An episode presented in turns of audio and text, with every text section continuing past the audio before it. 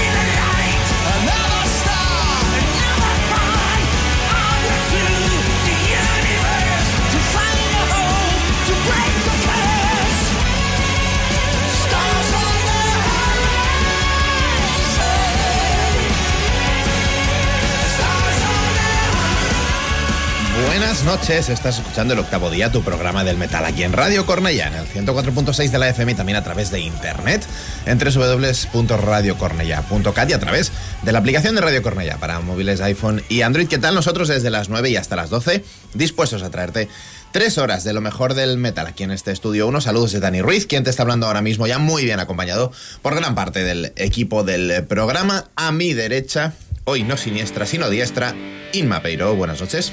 Hola, buenas noches Dani, buenas noches a todos. Hoy vamos a dar un poquito de azucarillo a la noche post eh, Semana Santa. Y aparte de azucarillo, vamos a dar cela y pulir cera. Tony López, buenas noches. Buenas noches, aprovechando que he llegado antes que Inma para, para petarme a tu siniestra. Correcto. Es verdad, últimamente siempre estábamos al revés y ahora Sí, cachero bueno, mal, pues me has quitado mira. la siniestra. Hoy, hoy, hoy vamos a estar diferentes. Y a los mandos de la nave, y empezando, con un poco de salsita, un poco de picante, un poco de especias, que siempre van bien al mundo del metal. Xenia Sanserric, buenas noches. Buenas noches. Pues a ver, realmente me apetecía escuchar este tema real de Halloween, ¿eh? Lo que pasa que como estoy un poquito desconectada del mundo, quería saber el salseo del metal aparte de Metallica. Eh, porque para eso creo que necesitamos como bastante rato y necesitamos a Alfonso, cosa que Correcto. hoy no tenemos aquí. Más que nada porque creo que es el único que se ha escuchado el disco al completo. no sé si Inma. Bueno, bueno, pues bueno, para que hubiera un poquito Sí, de para que haya comparativa también, claro, Exacto, haya diversos exacto. puntos de vista, sí. Eso es. Y entonces la otra noticia de la semana ha sido Halloween y esa mm, de- pues novedad de que, oye, que las entradas que teníais de este concierto que se ha aplazado no sé cuántas veces y que en teoría va a ser el próximo 2 y 3 de septiembre en Madrid y Barcelona respectivamente, que ya no sirven, que ahora las compráis en otro lado y encima son más caras. Entonces, no sé si creo que mm, hay gente que no sé si tiene más información al respecto de este salseo, se sabe algo más, qué está detrás de esta, eh, digamos, eh, la promotora que ahora lleva el Rockfest, digamos. ¿no? ¿Relato? Relato los hechos. Por favor. hechos. Esta semana Minuto resultado, de Metal Circus, web de cabecera y conocida por sus artículos en gran parte polémicos, pero en gran parte también eh, bastante de amena lectura, porque Sergi Ramos es un tío que escribe muy bien. Se descolgaba con que habían tenido acceso a un burofax que había enviado la promotora a Ticketmaster exigiéndole que liberase el dinero de las entradas vendidas para este concierto y que las entradas no serían, eh, no serían válidas. ¿Por qué The Metal Circus de la nada tiene acceso a este burofax? Fácil, porque antes Rock and Rock, post- posteriormente Astro Rock y ahora mismo Revolution Shows, no solamente son los rock and rock de toda la vida, eh, Pierre, Ana, ya los que conocemos, sino que también está Sergi Ramos. Evidentemente, Sergi Ramos es Metal Circus, no me extrañaría que sea el mismo quien ha enviado el burofax, por eso tuvo acceso a- al burofax. Bueno, claro, si yo envío un burofax, yo tengo acceso a ese burofax, es evidente. Ante la avalancha de consultas en Ticketmaster, Ticketmaster eh, es falso que deshabilitara la dirección de mail que daba Metal Circus porque es una dirección de mail que no existe. Entonces, claro, no funcionaba porque nunca ha funcionado. Nunca existió. Mm, o por lo menos está hace tiempo, hace más tiempo que esta semana que esa dirección no es, no es correcta.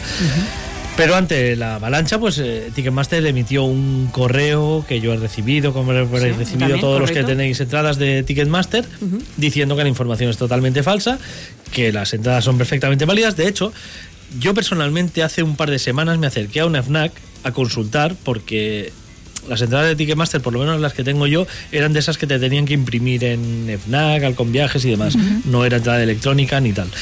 Y fui a decir, oye, tengo impresas estas de febrero, imprimidme las nuevas con la fecha de septiembre. Hicieron la consulta y en Ticketmaster le dijeron, no, no, son perfectamente válidas las de febrero, ya vale, no hay que hacer ningún cambio. O sea, coincidiendo justo antes de que pasara esto.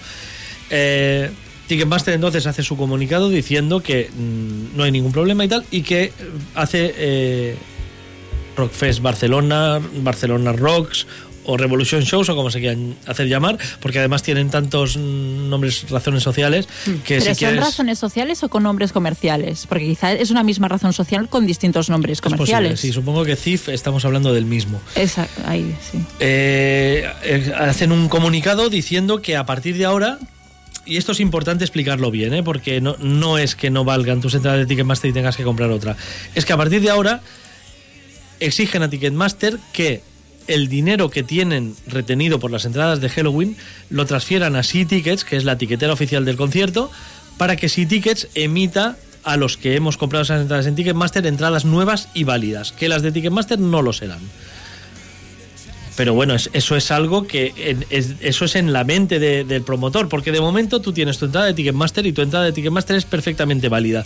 Y Ticketmaster tiene el dinero de tu entrada, que caso de no ser válida y de que no te la acepten eh, ni la promotora ni si Tickets, eh, te devolverá Ticketmaster. Es decir, no te vas a quedar sin la entrada. ¿Qué pasa? Bueno, ahora podríamos especular, ¿eh? Si es que no tienen el dinero para... Claro, con las entradas que vendan ahora con Sea Tickets, eh, Rock and Rock seguramente, o como se llamen ahora, no tienen el dinero suficiente para sufragar la producción de, de ambos conciertos. Es una producción muy cara la de Halloween, mucho, y, y necesitas una base de pasta importante. Con Barcelona Rocks mm, no creo que vayan a cubrir, mm, cubrirán Barcelona Rocks, pero no creo yo que les dé para cubrir también la producción de Halloween. Como si les hubiera dado hacer una edición de Rockfest en condiciones, supongo, y salvarlo por ahí.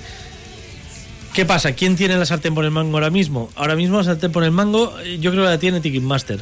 Por mucho burofax que hayan recibido, ellos, si ellos tienen el dinero que nosotros pagamos por aquellas entradas, eh, claro, uno de, las, de los motivos que esgrime Revolution Shows, vamos a llamarlos así, es que Ticketmaster no está publicitando el concierto. Evidentemente no están vendiendo entradas, no pueden publicitar. Lo que sí están haciendo es eh, comunicándose con la gente que les compró a ellos las entradas de ese concierto y diciendo que son perfectamente válidas. Evidentemente no vas a publicitar un concierto que tú no vendes. Eso me parece de cajón. Sí, es una lógico. es una huida hacia adelante de, esta promotora. Es que aparte Ticketmaster no es la responsable de hacer la publicidad. Es el promotor, es decir, Ticketmaster es la vía, la plataforma donde tú consigues Sí, el acceso. pero la queja es como que Ticketmaster no tiene anunciado en su web ese concierto. Evidentemente porque ellos no venden entradas. Estarían anunciando fraudulentamente un concierto para el que no venden entradas. Lo anunciaron mientras tenían la venta de entradas. Como no la tienen, es lógico que no Que esté en su web. Eso sí, quienes compraron las entradas tenemos todos los derechos adquiridos con la compra de esas entradas. Aquí se abren dos escenarios. Un escenario es que lleguen a un acuerdo y Ticketmaster diga, vale, no quiero problemas, transfiero la pasta a Tickets y Tickets nos emita una entrada nueva, con lo cual no habrá ningún problema. Me parece que eso no va a pasar. Ticketmaster tiene sus entradas y Ticketmaster tiene una, una regla que es sagrada para ellos, que es eh, que eh, li- o sea, libera el dinero de esas entradas tres días después de la celebración del evento para evitar cancelaciones y piratas que se larguen con el dinero sin concierto. ¿Vale? Entonces, mm, Revolution Shows recibirá el dinero de Ticketmaster tres días después del de Que es los como hacen absolutamente todas las plataformas Todas. de ticketing. Todas. De organizar, funciona así. Correcto. Eh, esto, esto Revolution Show lo está tomando también como una afrenta de Ticketmaster. Sabéis perfectamente, porque habéis trabajado toda la vida con ellos, que esto va así. Exacto. No es que nos quieran dar el dinero, es que Y el de dinero hecho lo te lo pone cuando tú accedes a poner tus entradas a la venta en Ticketmaster. Está dentro de las condiciones. Si Sí, tú sí. no te has leído las letras, es tu Sí, sí, se las han leído y lo saben porque han sí, trabajado por siempre. supuesto que sí. Esto es una huida hacia adelante para intentar, pues eso, eh, no sé qué quieren intentar realmente. La cuestión es que si hay 4.000 entradas vendidas para el San Jordi Club en Barcelona, más de 3.000 son de Ticketmaster. Y cuando digo más de 3.000 son igual 3.500, o sea, igual un 90% son Ticketmaster. Si esto no se soluciona antes del 3 de septiembre y nos presentamos 3.500 personas con entradas de Ticketmaster y nos dicen no valen, no podéis entrar, Se puede Viene la policía. Viene la policía y arde el San Jordi. Pero arde literal. No creo que pase porque ya habrá ardido el Withing Center el día anterior y aquí en Barcelona ya estará, ya Estarán sabremos los preparados. ya no, no, ya sabremos que no hay concierto, que no hay gira. Yo creo que lo que va a pasar es que se va a cancelar. Se va a cancelar y habrá maneras de Entonces devolver el dinero devolver.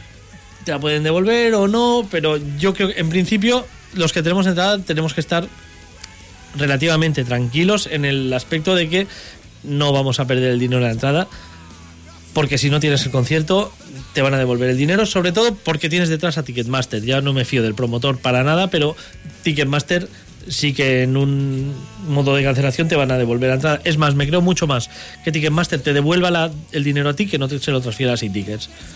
Me lo creo muchísimo más. Esto, como ha habido un burofax, va a haber una actuación judicial, se supone, y se va a esclarecer todo y habrá una resolución que diga, señores, estas entradas son válidas y la gente tiene derecho a acceder con ellas, o bueno, habrá algún tipo de resolución Antes, yo creo que no va a llegar la sangre al río, en el aspecto de que no vamos a llegar allí con la duda de si va a valer o no la entrada. Se va a solucionar antes y ahora es el tema de, bueno, puedes especular, ¿se va a solucionar que van a llegar a un acuerdo, va a haber concierto? Yo creo que no. Yo creo que Pero no creo que estén. O sea, las formas creo que es lo que está fallando aquí. Es decir, un problema interno entre ellos está. es que, no son- es que ni siquiera es interno entre ellos. Bueno, de Sea Tickets, eh, que quiere eh, abarcar más, vamos a dejarlo así. ¿Quién es Tickets? Es que, ¿quién es Tickets? Vamos a mirar quién es Tickets, quién hay detrás de ese CIF, esa sociedad, quién la forma, qué entradas vende Tickets, aparte de las de Revolution Shows. Bueno, mm, Sí, sí. ¿quieres, ¿quieres el modelo Madness y hacer tú tu propia tiquetera? Hazlo, pero a partir de, no con lo que ya tienes. Sí, sí, sí, y si lo que no quieres es perder hasta las zapatillas con esta promo- con esta con este concierto, pues eh, ¿Cancelas? cancelas. Sí, pero o, o te arriesgas y pierdes el dinero. Es que ¿Hay dinero para cancelar? Eh, claro, sabemos los contratos que hay. Halloween, Claro, Halloween yo sé que los contratos eh, que firman Halloween cobran por adelantado una parte. ¿Sabemos si esa parte es eh, reembolsable? Yo Claro. creo que Halloween lo que han cobrado, lo han cobrado. Sí, Y eso se ha perdido. Y sí, sí. en caso de cancelación se pierde. Entonces podemos especular mil cosas, pero lo que yo quiero dejar claro y tranquilo a la gente es que no vas a perder el dinero de tu entrada a Halloween. Mm, Compra de Ticketmaster. Que puede pasar, sí, claro, evidentemente puede pasar, pero no sufras por pensar mm, van a cancelar y yo no voy a ver ni un duro. Si cancelan, Ticketmaster Te, te devuelve. te va a hacer la devolución. El problema añadido a esto, tú compraste en 2019 esas entradas con una tarjeta de crédito de 2019. La mía, como la de tanta gente, caducó. Ca- caducó ya. Las tarjetas Ya me caducan a los 5 años. Mm. La mayoría de tarjetas están caducadas. ¿A dónde te van a devolver? Vamos a ver cómo Tendrían que Eso no, contactaros. no es problema, no es problema. porque que- a mí me pasó en la pandemia con las cancelaciones con Ticketmaster y recibí el dinero sin problema. Te piden un número de cuenta o un Mm. Sí. número de- para hacerte el Sí, ingreso. Sí, lo yo sé que. Madness hacían esto. Mm. Madness lo hicieron con algún concierto también que... Yo no tuve problema con Ticketmaster, ¿eh? Sí que sé que hubo gente que tuvo problemas con varios conciertos. Yo con Ticketmaster jamás he tenido ningún problema. Pues eh, al estar detrás Ticketmaster y tener Ticketmaster tu dinero, te diría que estés tranquilo y tranquila en ese aspecto. Es Ticketmaster quien tiene tu dinero y no Revolution Shows. Si fuera Revolution Shows, te diría que solo te va a salvar que haya concierto y que puedas ir. Mm, Como es Ticketmaster, te puede salvar con la cancelación. Veremos cómo, cómo, ¿Cómo se resuelve la cómo se cosa? resuelve, pero bueno, Porque de además momento... la vía judicial no tiene pinta que vaya a resolverse en los meses que quedan hasta el concierto. No, no, no. Los juicios van lentos, lentos, lentos. y esto no es prioritario, O sea, además. no se admite a trámite antes del Ah. 3 de septiembre esto. Exacto. Y más teniendo vaca- O sea, es que los jueces Exacto, en con julio ya no hay un juez. Sí, no, no, no. Sí, sí. Esto Está cla- no, no, está claro La vía que- judicial no va a resolverse antes. La vía judicial, evidentemente, no. O, o hay un pacto ahí, o Mm. seguramente entre abogados, quizá una conciliación que puedan hacer entre abogados y demás. Mm. O simplemente alguien deja el chantaje, o no, no sé cómo se va a solucionar, pero yo no sufriría mucho por el dinero. Eso sí, si tenéis ocasión de iros a Zamora o a Cartagena a ver a Halloween, porque os hace mucha ilusión Halloween, si podéis ir. Porque así ya los tenéis vistos y luego igual duele Por lo que pudiera pasar. ya lo has visto. Al menos has visto el concierto. Aunque te devuelvan el dinero, has visto el concierto.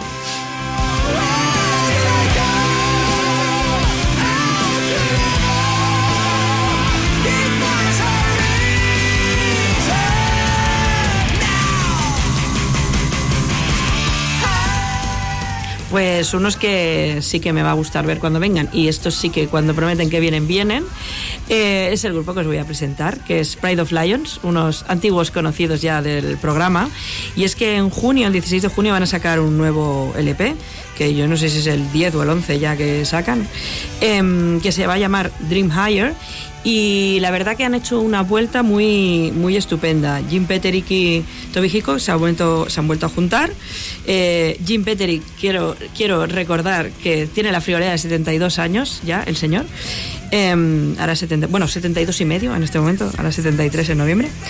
Y, la verdad que a mí este hombre me ha dado muchas alegrías, em, pero últimamente mm, los proyectos que estaba sacando no me acababan de encantar. Sacó el de Tigres, que era como un homenaje a las mujeres, donde compuso lo mejor que él sabe hacer, todo para eh, vocalistas femeninas, como mm, un apoyo que quería hacer a, a la parte de las rockeras eh, femeninas, ¿no? Y ese quedó mm, de flojeras para abajo. Luego los dos últimos discos de Pride of Lions se escuchaba un poquito las voces como muy apagadas, Toby Hicks no, no brillaba. Eh, parecía como que estaba dormido, no sé, era una cosa rara. No sé si era tema de sonido o tema de composición, no acaba de llegar, pero amigos míos, ha venido el single del nuevo LP y yo tengo, me ha vuelto la fe, me ha vuelto la fe. Eh, me ha gustado mucho, el single se llama Blind to Reason y ya veréis, eh, ahora cuando lo pinchemos, que lleva todos los ingredientes, todo lo bueno que sabe traer Jim Petterick, la melodía, el positivismo, el optimismo, todo lo bueno que nos sabe dar y Toby que está de vuelta, está brillando y está cantando pues como nunca, con esa voz de gospel que él tiene y nos sabe dar. Así que os dejo con el tema de Pride of Lions, Blind to Reason.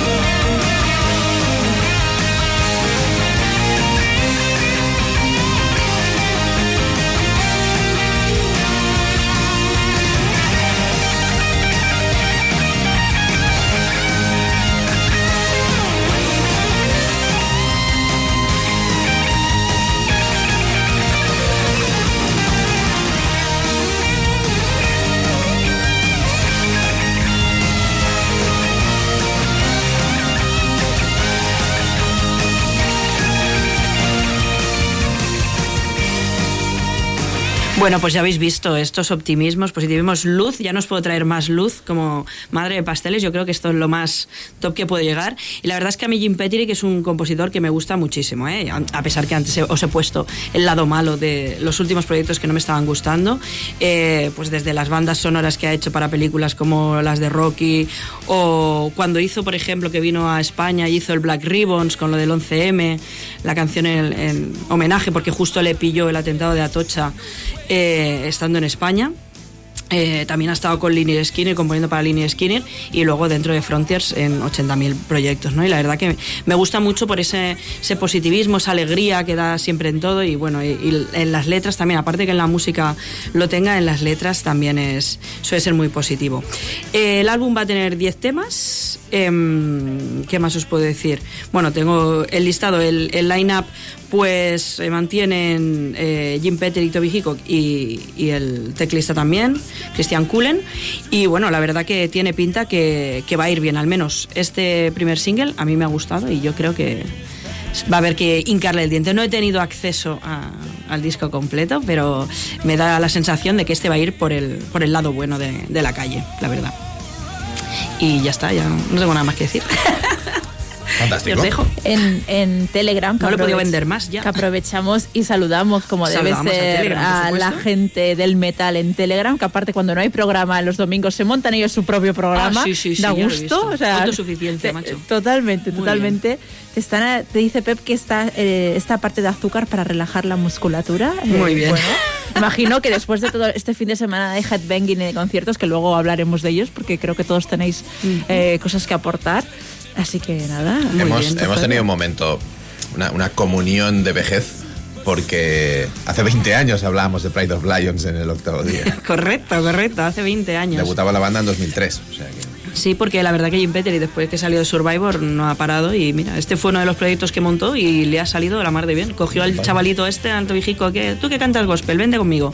Y le salió bien eh, la jugada porque la verdad es que hacen muy buena pareja musical. Pues nada, más mayores somos, 20 años más mayores, Dani. ¿Qué pasa? Así bien. así es. Así con alegría. Así es. Vamos a dejarnos de gente mayor y vamos a pegar un puñetazo en la mesa ya, que ya, ya va tocando. Me voy hasta Toulouse, una ciudad que a la que sí, habitualmente voy porque está a cuatro horas en coche y la verdad es que las salas de conciertos, la peor de Toulouse le pega en la boca a la mejor de Barcelona, fácil. Aparte de esto, en Toulouse encontramos bandas como la que os voy a pinchar a continuación, que se llama Stormhaven. Stormhaven. Haven, no Haven, Haven. no Haven, sino Haven, todo junto, Stormhaven. Sí, que yo lo he buscado separado y sale No. una cosa muy. ¿Con H o con J? Con H, con H. Con J, Stormhaven. Con J, con J serían Haven. de Cádiz. Stormhaven. Stormhaven, una banda de Toulouse, como digo. eh, en Francia se han puesto mucho las pilas en los últimos años. Eh, vayas a donde vayas, hay bandas de un nivel estratosférico.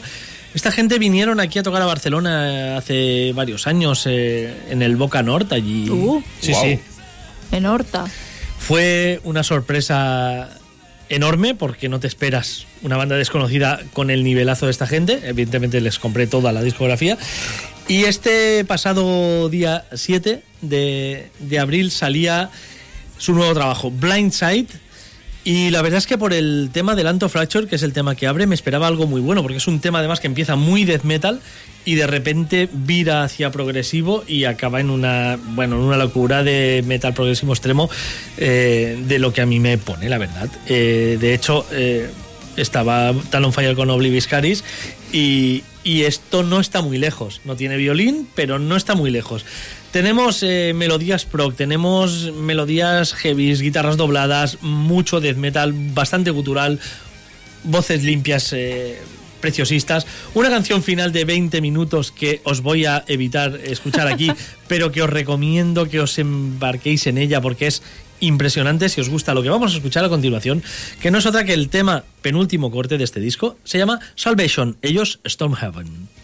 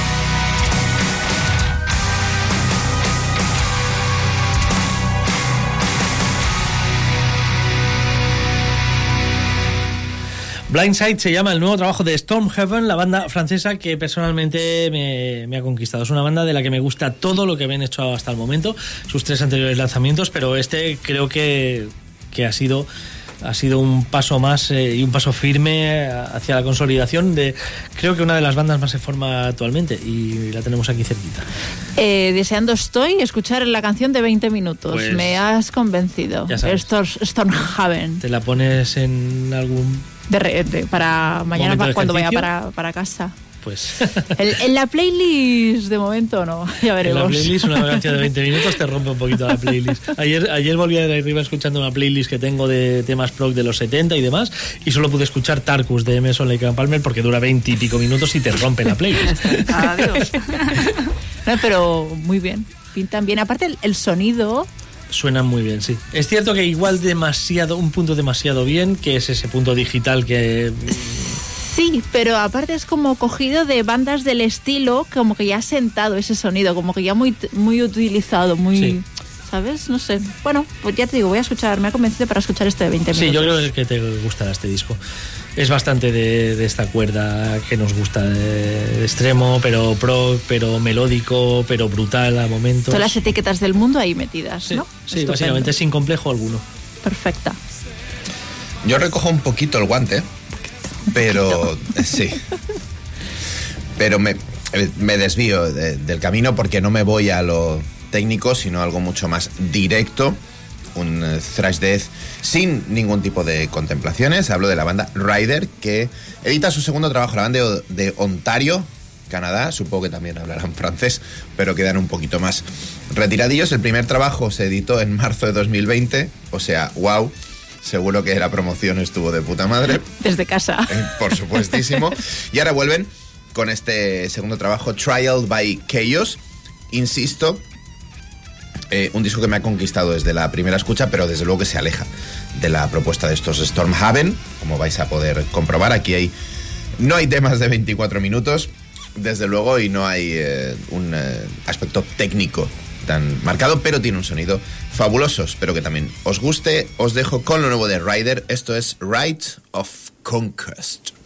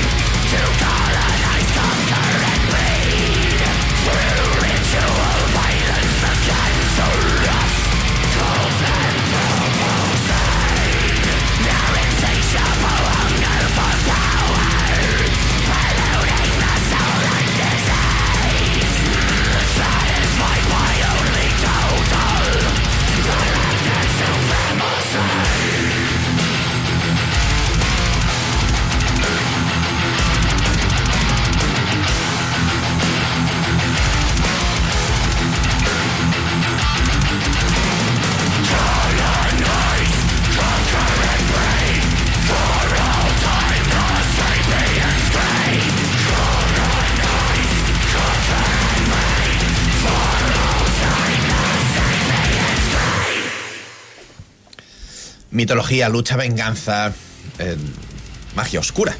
También en eh, las letras de estos Rider, que como veis tiene una propuesta, mm, propuesta muchísimo más directa, pero que tienen todos los elementos que hacen que eh, este estilo me encanta y potencia y velocidad, esa voz rasgada que no llega a lo cavernoso.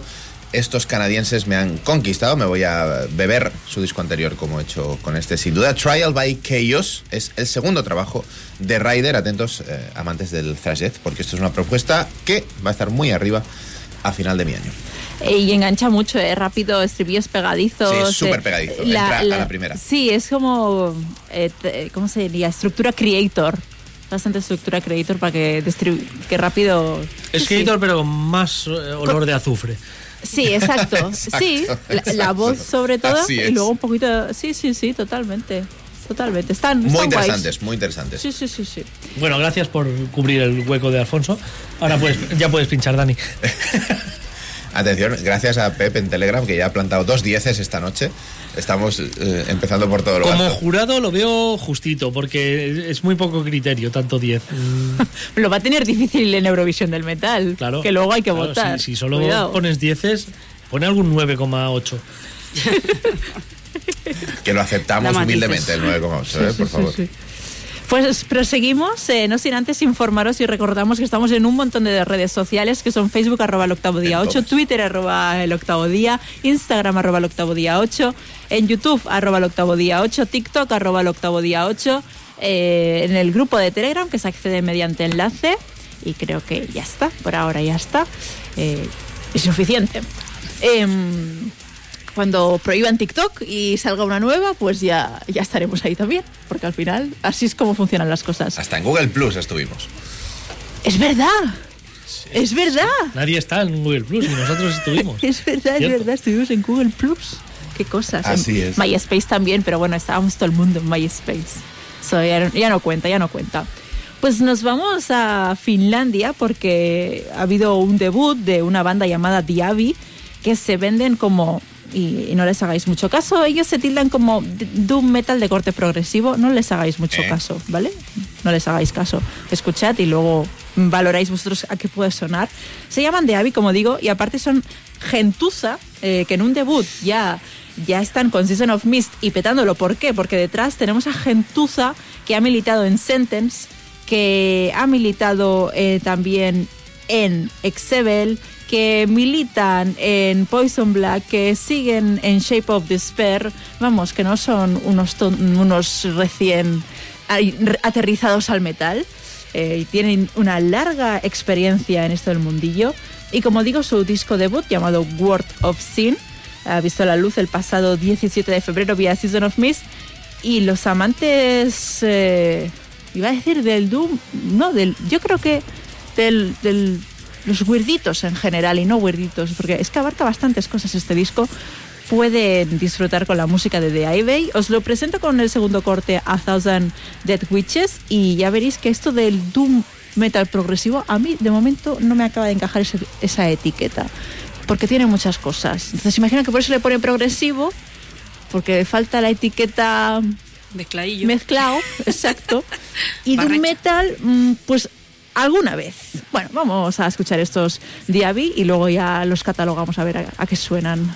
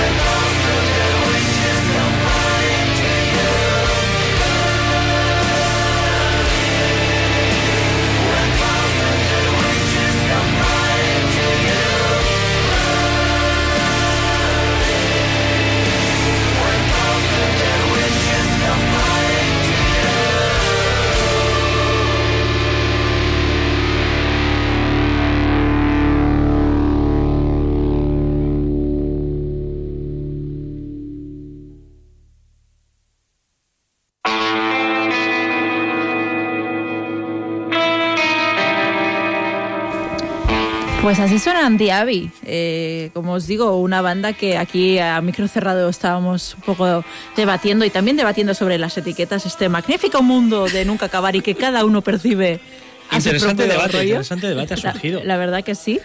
Y, y bueno, eh, con Tony comentábamos el, el por qué, ¿no? Precisamente Tony decía, ya entiendo por qué se hacen catalogar así. Sí, suenan un poquito en Slave, le decía yo, suenan un poquito de este rollo en Slave. Y suenan un poquito, decía él, también ese Doom épico, ¿cierto? Nos dicen en Telegram si pueden ser unos Enslaved algo más dulcificados o incluso Enslaved con los Queen de los 70. Exacto, Po- po- Wi- sí. Wild Heaven Web, correcto. Básicamente. Ese tipo de, de Doom épico, bombástico, pero, pero también mezclado con, con esa influencia de, de grupos ex-metal extremo. Weirditos. Weirditos, sí. sí. Sirvitos. Pues eso, estos son The Abbey, Word of Sin, disco debut que vio a la luz el pasado febrero con Season of Mist y claro, viendo quién está detrás, pues han dicho... O incluso unos noruegos que creo que hemos coincidido tú y yo hoy en traer, como Doteinsgard. Dodheimsgard. Pero ves, yo a Dodheimsgard Ya, eh, no los pondría, no los metería en esta no, comparativa. no, no, no, ni mucho menos. Porque van, van solos, por es- otro sí, lado. van a Eh, su- a su van su putísima mundo. bola, correcto. Exacto, sí, sí. Pues nada, espero que os hayan gustado Diaby. A mí bastante, me han sido una grata sorpresa. Pues yo voy a cambiar de tercio totalmente porque traía un grupo que. Vaya hombre, me creo esperaba que te un va a grupo gustar. de Doom atmosférico. Tengo uno de. Doom, tengo uno de Doom, pero lo voy a poner más tarde. Vale. Lo voy a poner más tarde, porque lo he traído cuando. mm, por eso chequeé si venía Xenia hoy al programa. vale. para ver si gano un poco de ceros en mi cheque mensual. Bien. Eh, para hacerte un poco la pelotilla luego, pero no va a ser ahora. Ahora voy a poner otra cosa y es que Ahora van a bajar los ceros. Ahora van a bajar los ceros bastante, bastante, pero no pasa nada. Ya sé que mi valor en la bolsa del octavo día es eh, fluctuante, entonces no pasa nada. Al final del mes hago la media y ya veré cómo me quedo. Si tengo que pagar mucho o no por pinchar. Eh, banda valenciana Dawn of Extinction se formó en 2014 por los hermanos Juárez, Cristian y Daniel. Y mm, bueno, a mí me la habían vendido como iba, que iba a escuchar metalcore. Hermano no es, Juárez suena. Hermano Juárez ha a sonado ne- a cártel. pero- Suena a negocio de Breaking Bad, ¿no? A- Sí, sí, los pollos hermanos. Sí. Eh, pero no, no va a ser el caso. Estos chicos eh, venían haciendo trash clásico, zapatillero, mm, puro y duro. Y en este EP, pues eh, están presentando una evolución al sonido. Sí que tiene una evolución, sí que tiene más metal, un metal más elaborado que el trash que venían haciendo, que era más clásico de, de manual, pero quizás para ser deathcore mm, son demasiado trash. Por ejemplo, hay un tema en Haters que, que es donde más eh, lo, están, lo intentan, ¿no? En el, bueno, no, no lo intentan, o sea, donde se ve más eh, posibilidad de deathcore. Y luego para ser metalcore, pues le faltaría que las voces limpias fueran un poquito diferentes. Por ejemplo, From Tears to Vengeance es uno de los temas que, que podría considerarse metalcore, pero no acaba de ser porque no acaban de afinar. Como esto de las etiquetas, mm, ya he dicho antes que es una cosa que es absurda, no, no cuadra, pues creo que es mucho mejor que lo escuchéis y veáis que realmente esto es trash zapatillero, pero con una vuelta de tuerca, con una evolución de sonido que para mí que es lo que me parece que están haciendo. Es un grupo que está buscando un estilo propio, está buscando una seña de identidad y creo que están en ese proceso. Trashcore zapatillero, podemos decir. Trashcore zapatillero, me gusta. me Claro, gusta. es que al final la, gracia de la etiqueta es, ir Muy mezclando. jugando, ¿no? A mí es- Bueno, ahora cuando lo escuches me lo dices. es lo divertido. Down of Extinction y el tema Beyond the Fear.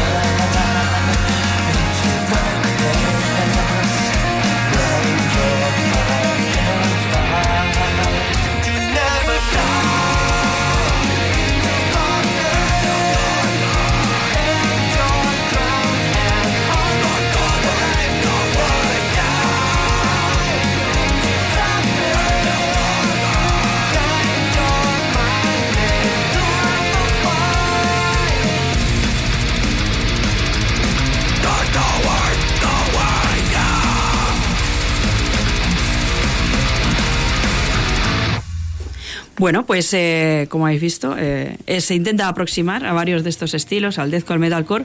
Eh, creo que es una evolución que están haciendo, para mi gusto, que tiene sentido. Los hemos visto tocar en el Resu, con lo cual eh, está muy alineado con el, lugar hacia el que van. Y, y en este tema concreto, eh, les he querido ver yo, que ya sabéis que soy muy pesada con esta banda, pero les he querido ver yo un toquecito gojireño en algún momento. Y me ha hecho mucha gracia porque el, el otro día, no sé qué estaba, estaba escuchando una entrevista a un productor nada que ver de música OR y, y el tipo decía yo antes escuchaba metal esta frase que nos gusta tanto que nos digan ¿eh? yo antes escuchaba metal tal no sé qué pero es que desde Gojira no han hecho nada nuevo en el metal. Y me, me caí de culo para atrás después de que eché espumilla por la boca y ya estaba muerta dije "Mm, paro la entrevista porque este señor acaba de perder toda mi credibilidad. Si en el ahorro tenía alguna en el resto de música ahora mismo mm, no te voy a escuchar más. Pero eh, me gusta que piense así me gusta que, que piense que Gojira han hecho han dado un puñetazo sobre la mesa o han hecho algo importante porque a mí me gustan mucho y este tema de Down of Ex- Extinction eh, creo que tiene un un regustillo, un regustillo. No acaba de tener la complejidad de Gojira, ¿eh? pero tiene un regustillo. Intentan tener esa, esa melodía y me gusta mucho. Me gusta en general el metal melódico, me gusta mucho la melodía que le están poniendo y que no dejen de lado su lado zapatillero en el resto de temas del EP, con lo cual, bueno, están ahí jugando con las piezas, a ver qué es lo que sale. Yo estoy intrigada. Como Tony, que lo veo muy intrigado. Yo estoy más intrigado Hay que- con esto porque me acaba que- de saltar a la que- cara. hay que y- madurar, y- Inma. A ver, a ver. A ver, yo es que hoy te- me queman cosas, me quedan cosas en las manos y una de ellas es el disco que salía este pasado viernes también. El día 14 no solamente salió Metallica, también salieron discos de thrash metal como ¿Ah, el sí? de Overkill, por ejemplo. No, Eh, no me había enterado. y además... Es que estaba eh, escuchando el de había- Metallica. en había- Tenía que colarlo, tenía que colarlo. Como fuera tenía que colarlo. chiste, ¿sabes? Y había que Y meterlo. ya tenía que colarlo, ya está. Yo lo traía preparado desde hace días y tenía que colarlo. Como padre que es, tiene que meter chistes de padre, es lo que Eso es. No me intento hacer el joven escuchando metalcoretas. mm, así. El metalcore no es de jóvenes, pues ya tenemos Bueno, más de pues- 40. Pues eso, de jóvenes de 40. Para mí sois jóvenes, los de 40. Bien, eh, nos vamos hasta Ashrain, que es una banda que, como digo, editaban su debut el pasado viernes, día 14 de abril. Una super banda porque tenemos a la batería a Andy C., el, uno de los mejores baterías de España, sin duda alguna. Batería de Alonso Black y de Saratoga, y ha estado en todas partes, en todos los grupos donde. Wormet, sobre todo. Eh, y es que Andy está tocando la batería en este supergrupo donde el cantante es Yuri Sanson, cantante de Eternity's End, por ejemplo, un gran cantante, pero los eh, eh, donde, donde se concentra aquí el eh, bueno la clave de este grupo son Nozumu Wakai a las guitarras, lo conoceréis por Destinia, con Ronnie Romero a las voces y demás. He gritado mucho. ¿Y por qué nunca habéis pinchado? Eh, el, el señor que yo vi en directo cuando fui a ver una exposición, ¿verdad? Este mismo, este mismo. Sí, mira, Dani me estás...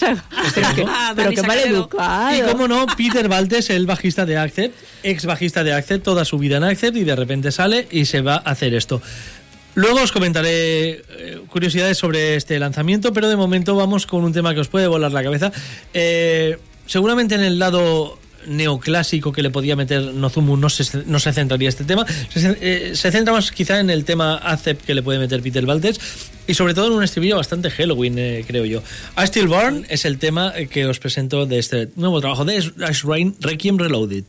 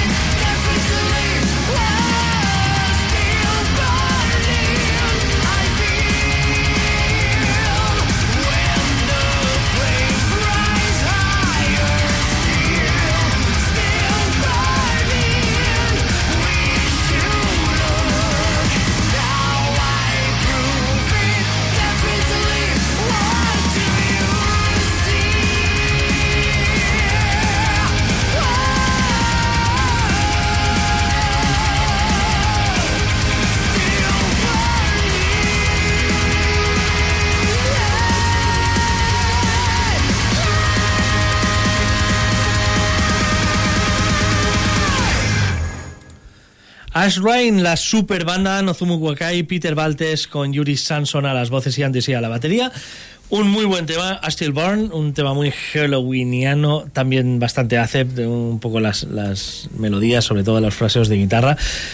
Eh, Requiem Reloaded, un disco debut que se llama Reloaded, y no por nada.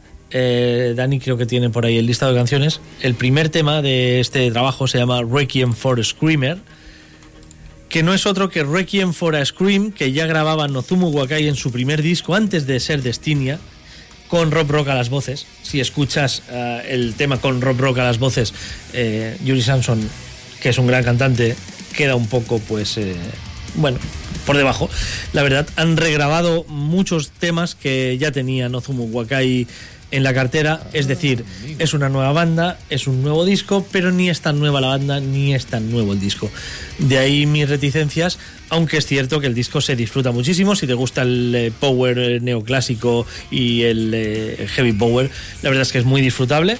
O sea que básicamente son composiciones refritas de Nozomu Wakai. Sí, correcto. Incluso alguna que yo había escuchado en algún tema suelto antes de, tener ni banda prácticamente en Ozumu Wakai. Joder.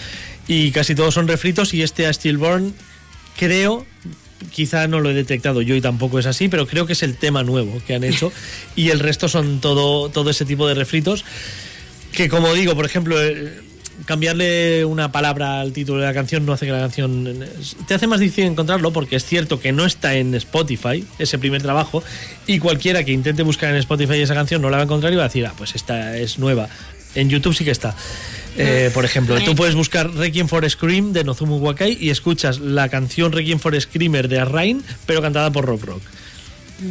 Eh, bueno, eh, discutible, sí. Eh, que Peter Baltes aparezca con esto después de su salida de ACE como primer proyecto, bueno, es esperanzador, pero vamos a darles el beneficio de esperar a ver si se consolida, porque también es cierto que Nozumu Wakai, siendo un guitarra extremadamente talentoso, no, no acaba de asentarse en ningún sitio ni con ningún proyecto. Yo pensaba que Destinia, con Ronnie Romero a las voces, No podría ser, eh, aunque fuese, bueno, cambiando de cantante o Sí, de sí. miembros, pero no ha tenido el éxito que esperaba seguramente y, y, bueno, pues está dando bandazos todavía. Se le va pasando el arroz mientras da bandazos, pero claro, lo de ir refriendo tus propios temas, Eso está muy feo. Bueno, está feito, pero bueno, la verdad es que es, es un disco, insisto, eh, todo esto. Aparte, si no has escuchado a Nozumu Wakai y demás, si escuchas este disco, te cae en las manos por primera vez sin información extra, la verdad es que es muy disfrutable. O sea que os recomiendo eso, que lo disfrutéis. Y si os gusta tanto como para escarbar a ver de dónde viene todo esto, escarbar en, en Nozumu Wakai, ya he tocado el cable, mierda. Escarbad en, en la obra de Nozumu Wakai y, y ahí, bueno, pues obtendréis respuestas. Qué fantástico. Fantástico. Haremos de Sherlock Holmes. En vena, evidentemente. Me conformo con que hagáis el play en Spotify de este disco y, y lo disfrutéis porque es muy disfrutable. Es de esos de gimnasio de Xenia. no. Y no, no. Alucinarías con lo que yo escucho. Ya, ya, no, no, paso, paso. es igual. No me hace, no me hace Mira, falta. No con, alucinaríamos. con la descripción, nigas. No, mira, ya, ya estoy siendo mal hablada. Nigas potentes. Imagínate que me pongo a entrenar fuerza. En fin. De nuevo recojo el guante de Tony y me voy a Japón con una novedad también de hace un par de días. En esta ocasión con toda una institución en el eh, heavy metal, en el speed metal japonés, banda que debutó en el 95, que regresa ahora con un nuevo trabaje, trabajo, la banda de Kawasaki, de donde las motos, efectivamente. Eh, son eh, Sex Machine Guns, una banda súper cachonda y eh, que me ha dado muchos problemas porque esta vez han tenido a bien eh, no traducir nada al inglés. Es su puto disco, así que me ha dado el doble de faena. El tren desbocado del infierno es el título. Me niego a decirlo en japonés. Tampoco podría leerlo. Y os eh, vamos a dejar de momento con el segundo tema, que es una declaración de intenciones arde o algo así.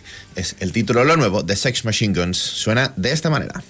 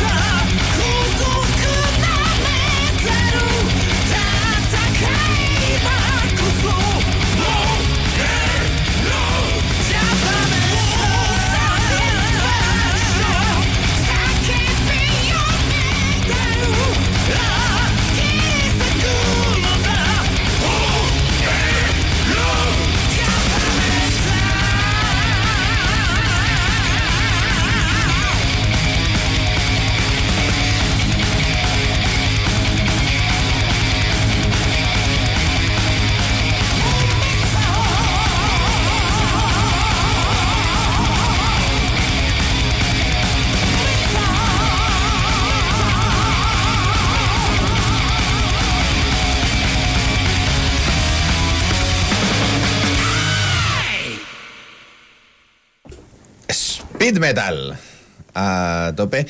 Como muchas bandas japonesas, esto lo, he comentado mucho, el disco es bastante heterogéneo porque esto suena puramente a speed metal, hay temas mucho más heavy, incluso hay flirteos con el hard rock, pero en cualquier caso, para los fans de Sex Machine Guns me parece un disco fabuloso, primer disco con el señor Thomas a la batería. Spoiler, no se llama Thomas, se llama concretamente, eh, lo tenía por aquí, Yushi Okubo.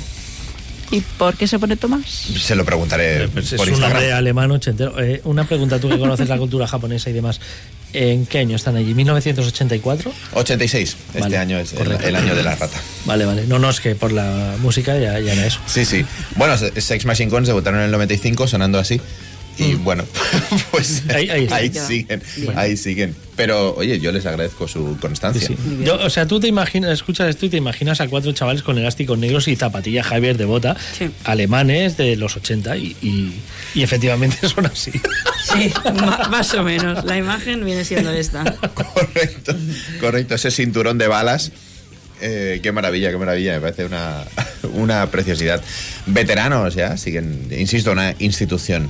En Japón a mí me divierten mucho sus trabajos, así que Creo que va a tener que venir Alfonso a poner orden porque estás zapatillesco hoy demasiado. en ¿eh? exceso. ¿eh? Sí, Sí, sí, sí. Que nadie se preocupe, que ahora me reencamino. Bueno, pues mientras esperábamos a ver esta reencaminación, yo viajo de Japón a China, porque no sé si os Oh. acordáis que hace unas semanitas, a principios de años, os presenté un chaval chino, una banda china, realmente es un chaval, eh, el, amigo... sí, sí. El amigo, se hace llamar JL, no sabemos por qué, pero se llama Liu Zhenyang. Joseph Lluís. Aquí en la República Popular. Exacto, el mismo. Pero es que este, este chico es súper fan de la mitología griega, por lo que sus Oh, discos. ese es. Este es de la Exacto, el- Sí, el- sí, pese a ser chino, los hace todo en griego, escritos en griegos, las letras en griego. O sea, brutal. Pues si el chaval sacó un disco debut en enero, estamos a abril y ha sacado el segundo. Igual es su TFM o algo así. tío. Pues, No pues pedazo Está TFM. estudiando eh, algo griego, un máster en algo griego, Sí, cultura y, y- griega. y lo aplica a la música del y metal. hace música en griego, ya Sí, está. sí, Ese algo es así. un trabajo de final de Y vive en un máster. cuarto. Bueno, en vale. la casa donde pueda vivir, que Me voy a abstenerte. Exacto, mejor. Cada uno sobrevive y lo lleva Por como buenamente puede o quiere. Pues nada, como el chaval ya que se pone y es tan productivo musicalmente hablando y aparte que es la curiosidad esta, ¿no? De un chino escribiendo cosas griegas y tiene una gran afición al respecto con portadas también bastante acordes a todo lo que asociamos a la mitología en el mundo occidental, pues, pues bueno, vamos a traemos aquí el cuarto corte de este segundo disco. eh, el, el disco se llama Profisomeni, que significa devorado. Gracias Google Translator, porque te- también puedes escuchar cómo se dice esto. Y la canción es el cuarto corte llamado Trauma, que bueno, pues entiendo yo que habla sobre Qué, alegría de tema. Eh, al- algo de. Algo así. Vamos con eh, Hoplites, ese one man man china que le encanta la cultura griega.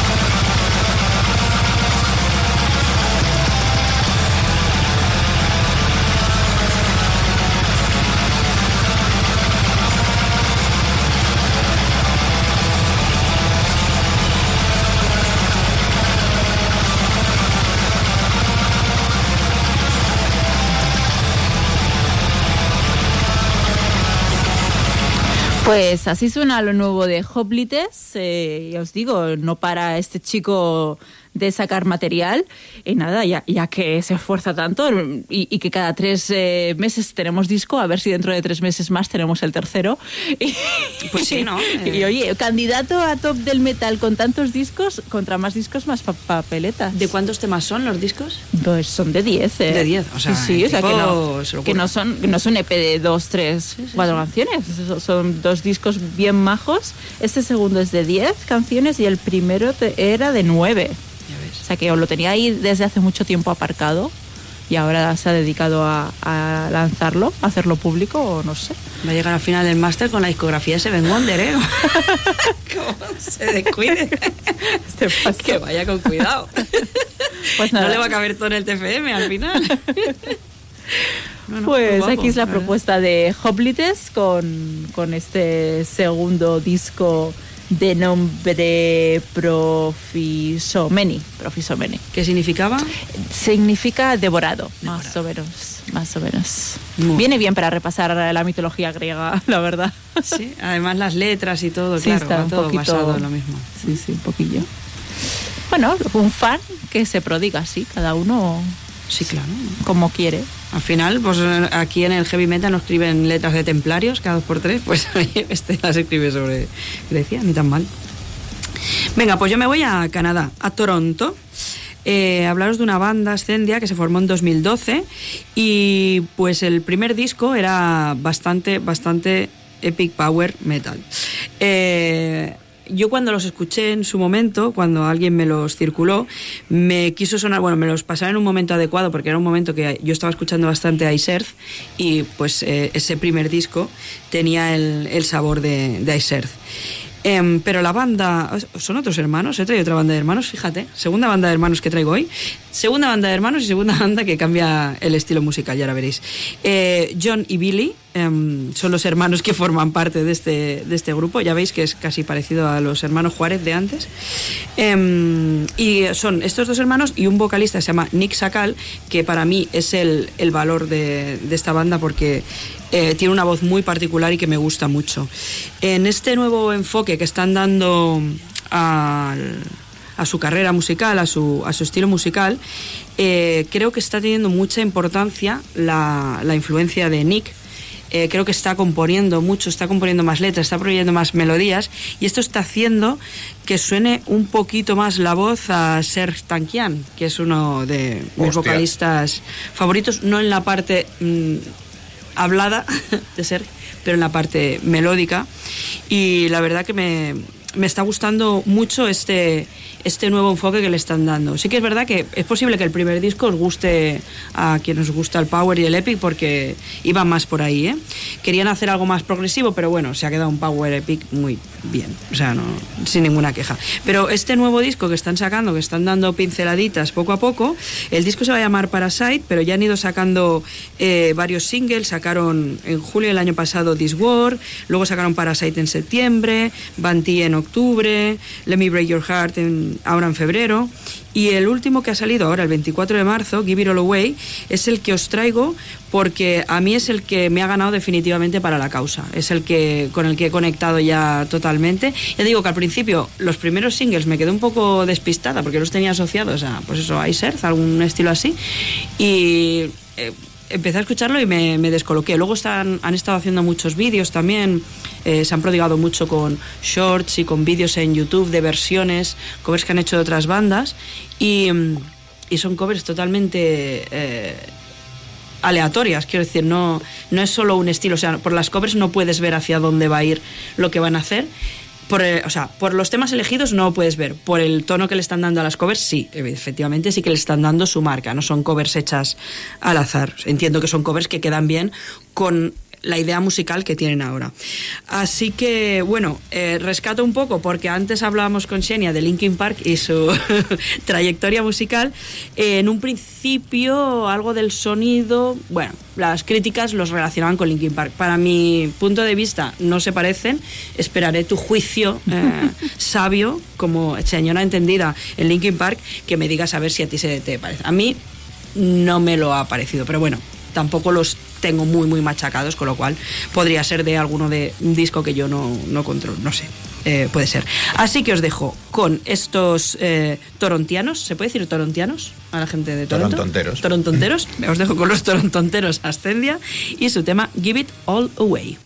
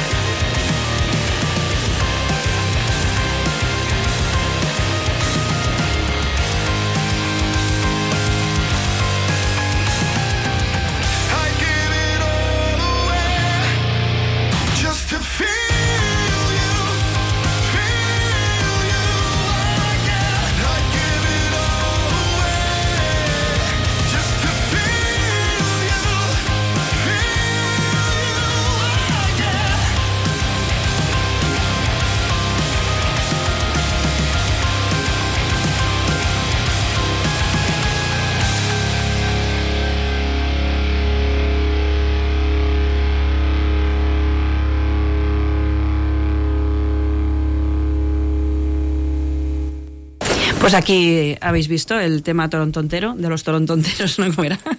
De los torontontianos, no, ahora no me acuerdo cómo lo hemos dicho. ¿Torontonteros? Torontonteros o toreros, como tú quieras. Pues esto, de esta gente, estos hermanos de Toronto y este vocalista que a mí me tiene fascinada y que este tema pues me ha entrado mm, muy bien. Y que no suena a Linkin Park. Gracias, suena a. Disturbed. Gracias. Y un poco de Nickelback. Un también. poco de Nickelback. Pero De Linkin maneras- Park nada. Cero. La, el- la vuelta al ruedo que han dado es espectacular. O sea, ya te digo, porque el otro disco no tenía nada que ver con este sonido, ¿eh? Pero bueno, también estaba bien, ¿eh? O sea, componer, componen bien y las, la música está guapa. Lo que pasa es que ahora las letras le han dado una profundidad, mm, una capa adicional de profundidad. Ya no son temas tan machacados, son más vivencias personales de- del cantante, que es el que está interviniendo más. Entonces, claro, le está dando un rollete muy, muy chulo a lo que antes era un proyecto más de power, metal épico, etcétera, ¿no? Yo creo que están ganando con eso, están desarrollando una nueva vía y, bueno, y esto es siempre agradable de ver que pues los grupos no son cosas estancas. Antes nos ponía Dani, ¿no? Un grupo que pues ha seguido una misma trayectoria y no se ha movido de ahí desde el 95. Pues mira, yo es el segundo grupo que traigo que ha dicho "Tss, vuelta a la baraja y os pongo esta otra este otro estilo musical, con lo cual pues me parece estupendo. Pues nada, oye, a veces evolucionarse y morir, ¿no? También existe. Cada uno li- libre de, de ver eh, cuántas vueltas le da al asunto. Yo es que soy muy fan de los grupos que cambian, ¿eh? En realidad, o sea, a mí, que un grupo, o sea, los grupos que siguen siempre haciendo lo mismo y es una música que me gusta, me, está bien. Véase Azet, por ejemplo, me gusta, siguen haciendo lo mismo, ya 30 años haciendo lo mismo, me gusta. Pero los grupos que intentan salirse de su zona de confort y hacer cosas diferentes y hacer cosas tal, pues también me gusta, pero porque te da ese aire fresco, pero claro, como es experimentación, no siempre Claro, sale bien. Claro. que ahí está. Yo estaba pensando qué me gusta más y es en plan, creo que me voy a quedar en que hagan lo que ya conozco con una mínima Variación. variación, porque luego a veces asusta. O sea, bueno, te, no te acaban de encajar, hay veces que sí, hay veces que no, y creo que el- ahora mismo los grupos que ahora mismo me vienen en mente son un no, y por eso opino un poco así. Pero bueno, oye, cada uno que haga lo que quiera. Yo pido disculpas porque cuando Ima ha dicho que los hermanos se llaman Joe y Billy, me los imagino en una caravana y he pensado en Cletus de, Totalmente. Los Simpson. Lo siento. Con una espiga en la boca, ¡Brandine! Limpiando el, eh, su, su rifle. Vamos mía, a ¿cómo vamos a, a por los malditos suecos eh, de una Ha habido, ha habido- ha habido un momento delicado, ¿eh? Antes de este tema, todo hay que decirlo. Habido Eh, era para grabaros, porque vamos, estábamos Ima y yo, en, en plan, tanta gesticulación y tantas cosas por aquí. No sabíamos si estaban peleando o amándose mucho, pero... No será un nombre familiar para la comunidad metalera en general, eh, pero os traigo el nuevo trabajo de Thomas Lazar, que es su primer trabajo, de hecho. Y ya que Inma se ha dedicado hoy a ponernos metalcore y deathcore y Linkin Y cosas de estas, pues voy yo a por el lado melódico de la vida. Porque Thomas Lazar, que es eh, conocido por ser eh, miembro de, de, de una de las bandas míticas de Laor eh, en Suecia, como, como son Crystal Blue, o también haber participado en bandas de, de mascarado como Last Toton Dream, por ejemplo, o Charming Grace, pues se lanza en solitario. Thomas Lazar, si bien es teclista en origen, tiene una voz magnífica, una voz soberbia. Me puede venir a recordar en según qué entonaciones a Andy Kunz de Vandenplath, sacando muchísimo, muchísimo. eh, o sea, no es el. Sí que es un estilo similar, no es el mismo timbre, pero eh, en momentos del disco me lo recuerda y también hay momentos del disco, en este caso no, pero hay momentos del disco que recuerda aquel Labrí de Winter Rose cuando estaba Lozano joven y tenía la voz bien potente. Pues bien, Thomas Lazar nos trae un disco de Aor que, eh, lejos de lo que podamos pensar, no es un disco... Sí, evidentemente es muy melódico, es muy amable, es muy, bueno, de escucha fácil para cualquier no iniciado en el metal incluso. Pero es cierto que tiene canciones, a mí personalmente me ha atrapado este disco y es muy difícil que un disco de este estilo me atrape y además en toda su, su globalidad del disco, es un disco que no se me hace para nada pesado. Quizá el último tema, que es el que da título From Now On, es el que ya llegó un poco con la marcha atrás puesta, pero en general es un disco muy disfrutable. Y además, eh, os voy a decir el por qué me ha flipado. Y es que el primer single adelanto de este trabajo, a mí personalmente me recordaba muchísimo a una banda que quiero con locura, que he hecho muchísimo de menos, que no he podido ver. Sí he visto a sus miembros en otros proyectos, pero nunca los he visto a ellos juntos, como son Fair Warning. A mí esta canción, Whatever I Do, me suena muy a Fair Warning. Que llevas una No, camiseta de... de Fates Warning, pero yo hablo de Fair Warning. Ah, vale, de la de banda. Fair, no de la Fates. Fair. Fair Vale. Warning, la banda de Tommy Hart, la banda de Vale. hard rock melódico. Y esta canción, ya veréis, a poco que hayáis escuchado Fair Warning, os va a sonar muchísimo a ello. Whatever I Do, el tema que os dejamos de Thomas Lazar.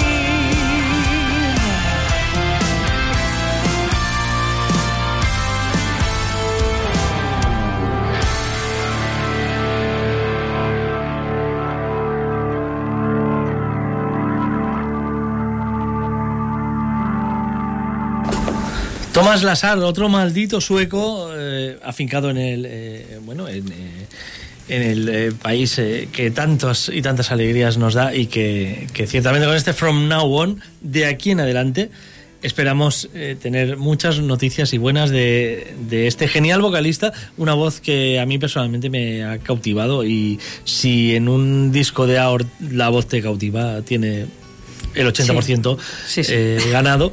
Y luego pues la música pues musicalmente como, como os decía temas que suenan a Fair Warning como este o temas que bueno es una or amable pero con su puntito de no mala leche nunca tiene mala leche la or pero sí con su puntito ese que nos gusta quizá más a los metaleros de, de voces desgarradas un poco eh, llegando un poco a los límites de de bueno pues eh, con esos gritos ¿no? que, subiendo subiendo a, tonos que, que realmente pues atraerán creo a, un público más metalero del que realmente debía ir seguramente en un origen pensado este trabajo.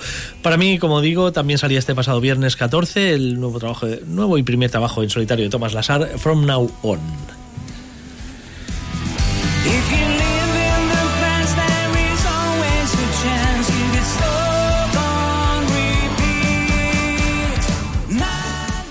Me vuelvo a Francia, a Grenoble, para traer, creo que por primera vez aquí al octavo día, un proyecto llamado Avaland.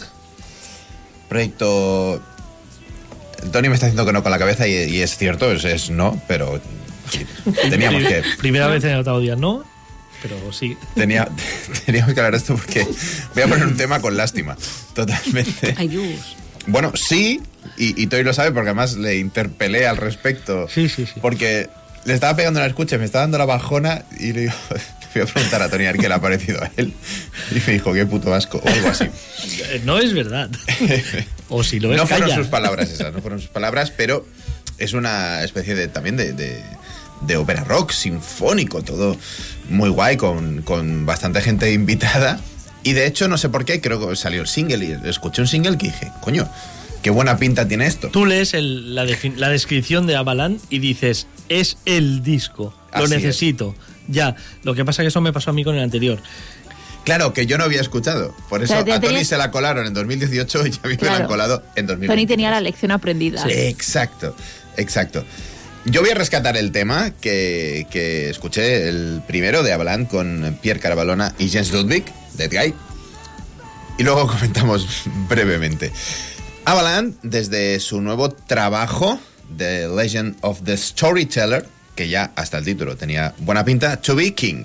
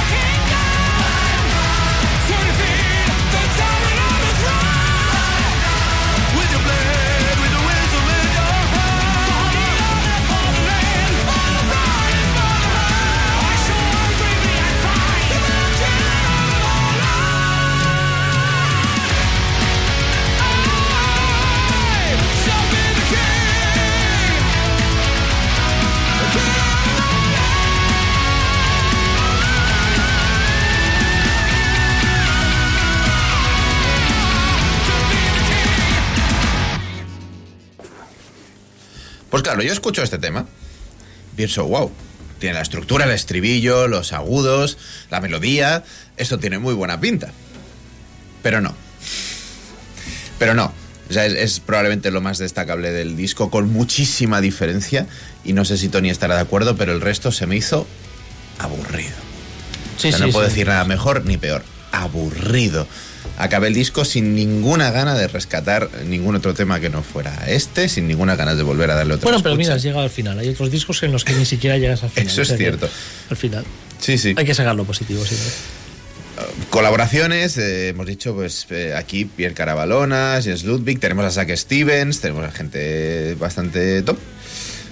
Pero para mí no han dado con la tecla. Sí, sí, ves una descripción que dices, me gusta, Sí. compro, sí, es esto, justo lo que la buscaba. Colaboraciones, la portada es brutal, colaboraciones, joder, Zack Stevens, gente que dices, wow. Por ejemplo, Arcon Angel, ahora que hablamos de Zack Stevens, han Exacto. sacado disco esta semana y me vuelve a pasar igual que con el primer disco. Cero sensaciones. Hostia, a mí me gusta más que el primero, ¿eh? El primero no me gustó tanto, me, este me ha causado más. cero A mí se me ha sensaciones. hecho aburridillo. Eh, Sí, y me claro, dices Aldo Nobile, eh, Sí, Mar- sí. Mar- Marco, porque por cierto es su cumpleaños hoy, Anda. tanti auguri Marco, a la batería. Y, y Zack Stevens, dices, tiene todos los ingredientes, ¿no? Y le pasa ¿no? como, como a este proyecto, que no, no, yo personalmente no. No Pero- cuaja, es una pena. Sí, es un tema llamativo este, sí. sí pero, ya, es decir, no, no hay más. No hemos podido rascar más de, de Avalanche, una pena. Una pena, porque tenía todos los números. Pero bueno, De Avalanche no hemos rascado más, sí que hemos rascado más de Avalanche. Ya, luego, luego hablaremos Oh. del EP de Avalanche, que tocan también la semana que viene, pero cuando hablemos de conciertos hablaremos de Avalanche. Pero ahora no Ahora queréis hablar de conciertos. hablar de por lo menos conciertos. Pues de los que habéis asistido esta semana. Bueno, os doy la introducción porque la semana que viene toca Avalanche en Barcelona, junto a Taco. No Sí. entiendo el cartel. Yo tampoco nada. entiendo nada del cartel. No entiendo qué bueno, pintan. el que hace, el que monta el concierto es el- la conexión. el no que monta el concierto es Rubén Rosas. No, el, el manager este que tienen, el... Sí, eso. No me acuerdo cómo se llama ahora. Bueno, sí, Taco, una banda zaragozana de rock and roll, que dicen ellos, Hmm. rock urbano, Rock rock, punk rock, no sé cómo llamarlo, que pegan cero con Avalanche. Avalanche que ha sacado un EP de cuatro temas, eh, que está sonando ahora mismo, gracias Xenia, y que personalmente, eh, bueno, eh, la verdad es que me gustó el tema adelanto, Ujú. Horizonte Eterno. Me han gustado tres de los cuatro temas mucho y otro no lo he entendido, como es Cuatro Elementos, me parece un tema nefasto. Pero bueno, en Avalanche es verdad que eh, los discos tienen temas que me gustan muchísimo y siempre hay uno o dos que no trago. Eh, la voz eh, la veo falta de personalidad, la verdad, pero por eso precisamente quiero verlo en directo para ver si en directo coge esa personalidad que le veo faltar. Es- una voz súper técnica, es un tío que llega a todos los registros, que va a cantar los temas de Víctor y los de Ramón y los de Irra.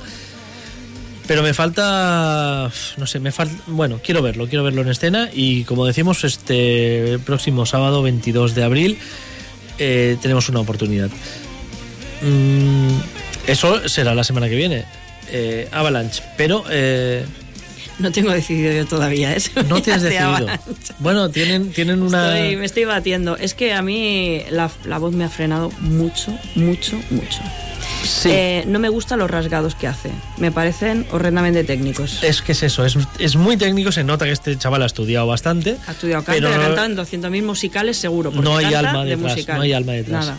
Eh, Y odio que diga etéreno. Como Etéreno. diga otra ere así, es que eh, a mí me saca esto de la canción. Ya. El etéreno no puedo con él.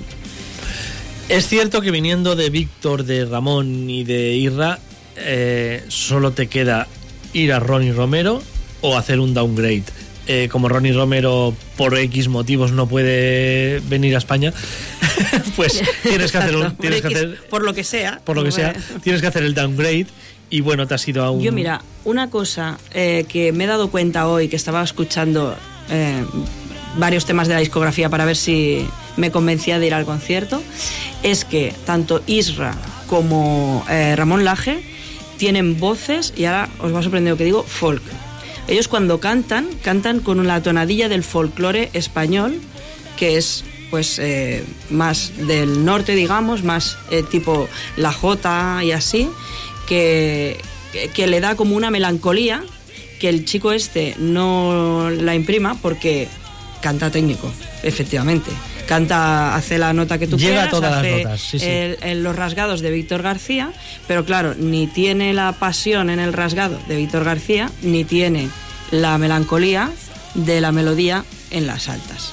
Y es, es la pena porque además no es un mal cantante, o sea, mal seleccionado no está. Si tú querías que te haga todo el rapper, te lo va, a- te lo va a clavar.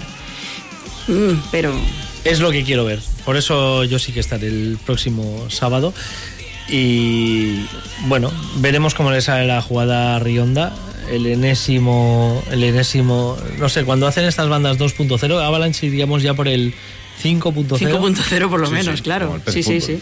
Bueno, Mm. pues eh, eso lo veremos y hablaremos el próximo domingo de ello, pero ahora creo que toca hablar de lo que sí hemos visto ya.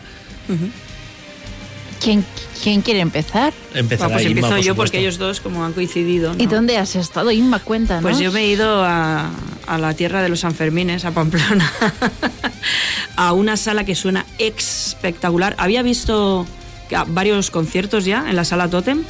Eh, bueno, no es Pamplona, en realidad tengo que corregir, autocorregirme, porque sería como decir que la, eh, la sala Salamandra es está en Barcelona. Bueno, pero se dice. La Totem está en Villava, que es una ciudad muy cercana a Pamplona. El pueblo de Indurain, para entendernos. concretamente y tienes la bicicleta nada más Indurain ahí. era un señor que iba en bicicleta. exacto muy bueno Sin Sin no, ni se, nada, no se sin drogaba. Sin no, drogarse. no como. Lance Armstrong ni, ni los bistecs de Alberto Contador. Indurain cero. Cero Clembuter. Nada, jamás, ¿eh? No se encontró nada, cero.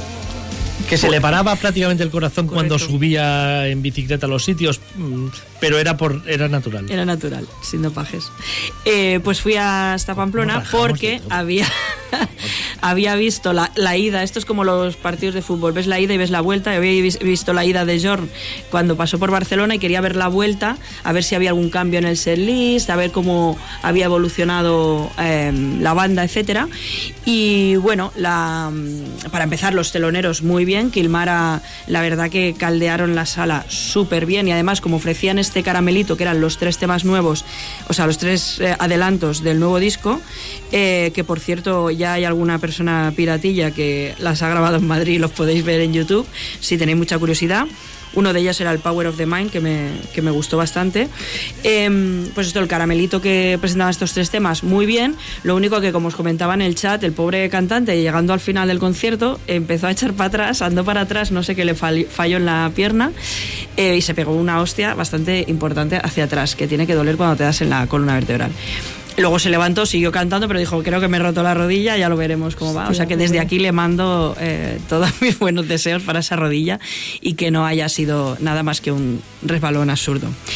En cuanto a John Lande, pues eh, bueno, ya sabéis que es uno de mis cantantes favoritos. Además, eh, en las versiones que hace, pues siempre mete a Dio y a White Snake, que pues si me quieres ganar, pues solo te falta ya Survivor y completas el triplete.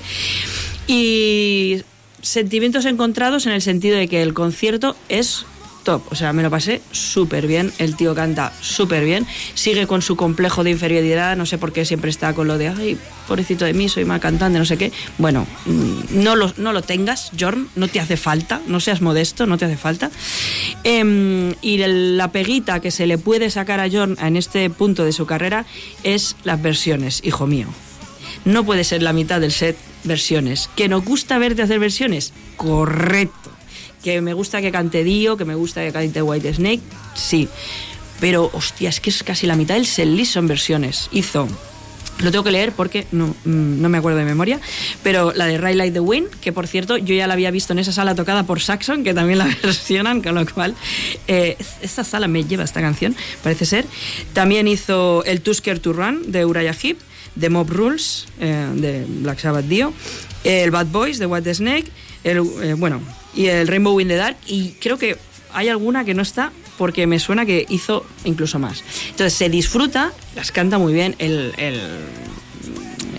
los músicos que lleva ahora son espectaculares, o sea, te lo, te lo pasas bomba. Pero claro, el problema es que tienes muchos discos, tío, y me tocas una canción de cada uno. Y al menos la, eh, la de Drácula no la quita, porque a mí el disco de Drácula mm, tiene la canción de Walking on Water, que me gusta mucho, y digo, como esta la quite por no ser solo de él el disco, digo, me mata, pero no, no, esa también la toca. No es solo de él, es que no es de él, es de Holter. bueno, es de claro, Holter. exacto, no es de él, él es el agregado. él es el que la canta y el que da la cara. Entonces, digo, como esta ya me la quite también, o sea, a mí me, me- mata, ¿no? Y es un poco lo que eh, me gustaría reclamar de John. Yo quiero ver a John cantando sus canciones, porque tiene muchas y las tiene guapas. Y luego quiero ver a John que haga un disco como el de Demons Down, como dije la otra semana, me gustaría que ese fuera el disco de John, porque yo creo que él puede y tiene y debe cantar así, porque nos lo merecemos, los fans que le seguimos hasta Pamplona a ver sus conciertos. La verdad que muy guay. O sea, a ver, mm, esto quitando la broma, voy a seguir yéndolo a ver porque es un cantante que es espectacular, no pierde una ápice de voz. Creo que dijo que ha hecho 55 años eh, el otro día en la sala, no lo sé, pero es que me da igual porque es que canta súper bien, no ha perdido nada, eh, sigue transmitiendo mucho. Quizá el problema que había en la sala, que también pasó en Barcelona, es que él intenta hacer el Tobías, intenta hablar con el público. Y mm, sobre todo desde que ha, ha pasado ratos con Tobías. Antes lo hacía, pero no era, era más eh, directo. Y ahora se extiende mucho la explicación y la gente las, no se enteraba, la gente. O sea, se giraban a mí y me decían, ¿qué ha dicho? ¿Qué ha dicho? Y yo pensaba, madre mía, si es que lo que ha dicho tampoco es de First Certificate, ¿eh? Pero eso a él le- yo creo que le, todavía le para un poco el que no le entienda el público lo que está explicando, porque él es muy de, esta canción me trae a mi niñez, no sé qué, te explica el tema y claro, si lo entiendes, guay, si no lo entiendes, te has pasado cinco minutos mirando De unas eso, lucecitas. de eso se quejaba alguna gente del concierto de Opeth, que Michael Ackerfeld es muy de explicar cosas y, y muy de hacer chistes y bromas. Buah, que ya no te digo, si encima haces chistes, Si no las pillas, dobles estás diciendo- sentidos, ¿no? Y Sí, tal. sí, Sí, sí, además un poco de Eugenio. Cuando habla. A Claro. mí la última vez me encantó, me encantó, o sea, hasta los discursos fueron buenísimos, pero claro, si no lo entiendes estás diciendo, bueno, toca ya algo. Tío. Exacto, exacto. Esa fue un poco la de esto. En cuanto a él, súper bien. Además, yo, o sea, justo cuando él entraba, daba la casualidad que yo estaba en la puerta de la sala y el tipo eh, estaba entrando con una eh, humildad. Daba la casualidad que estabas en la puerta de la sala con un, un permanente en la mano y tus 18 vinilos de 18 Jordan en la mano, ¿eh? Nah, no, Casualmente. salí, salí Pero momentáneamente. Eh, no tenía, no, no viste la muñeca, alguna muñequera, muñeca fisura, algo, ¿no? No. Es que tengo unos amigos de Sevilla, fueron a Madrid a verlo, con 19 La madre que los parió. discos ahí cada uno para que le firmara. Yo no. Y no, no, no, no llegó, llegó entero, ¿eh? A, a Llegó entero, llegó muy bien, no tenía ninguna muñequera ni nada. Y lo que iba a decir es que se paró con todo el mundo que le paró y se estu- y habló y él tenía que entrar a tocar, o sea, tampoco se podía. Pero el tipo, hostia, se paró y habló con todo el mundo, se hizo fotos con todo el mundo que había allí, que, que era poco porque estaba todo el mundo ya viendo a Kilmara, o sea, cuando él llegó ya estaba Kilmara tocando, ¿eh? Pero hostia, eh, súper guay, o sea, como persona parece, no he hablado con él, pero parece muy buena persona y luego como artista genial. o sea, De hecho, quizá, de- recomiendo. quizá muchos de los oyentes que nos están escuchando conocen a la gente de la que yo hablo que fue a Madrid con todos los vinilos, que son la gente del Condensar Rock de Fluzo, que tienen un podcast también que seguramente mucha gente nos escucha, nosotros también les escucha a ellos. Fernando y Cubero se fueron allí con todo el arsenal. Y vamos, hay fotos del hombre firmando allí, parece que esté haciendo en serie, pobre tío. Pobrecito. Son unos cracks, unos Vaya cracks, tío. Pero bueno, Pues sí, sí, es- es John, que si tenéis la oportunidad, oye, eh, aunque mm, tal, irlo a ver. Si vais a algún festival y toca en una hora en que, pues cogeros el bocadillo e irlo a ver, porque la verdad que vale la pena verlo, te guste, no te guste y estés en in the middle. Siempre, siempre es bien. John siempre es bien. Pero vosotros habéis ido a otros que también cantan bien, ¿no? O- Los tenemos de fondo, si quieres. No, no Ah, vale, tú los tienes, yo ahora tenía a George, Los pero tengo, los te tengo de fondo. Vale, pues te... Pero si vamos a hablar del concierto de Dry River, le cedo la palabra a Tony porque en todo lo que dure nuestra crónica del concierto de Dry, de Dry River yo voy a llorar, simplemente.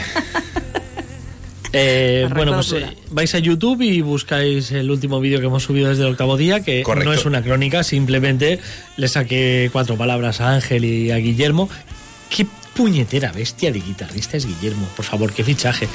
También Nacho, el, el- Nacho no, el, el teclista Miquel. Miquel, el- Miquel, Miquel. Ahora me he confundido porque Nacho es un nuevo teclista de Opera Magna, también valenciano.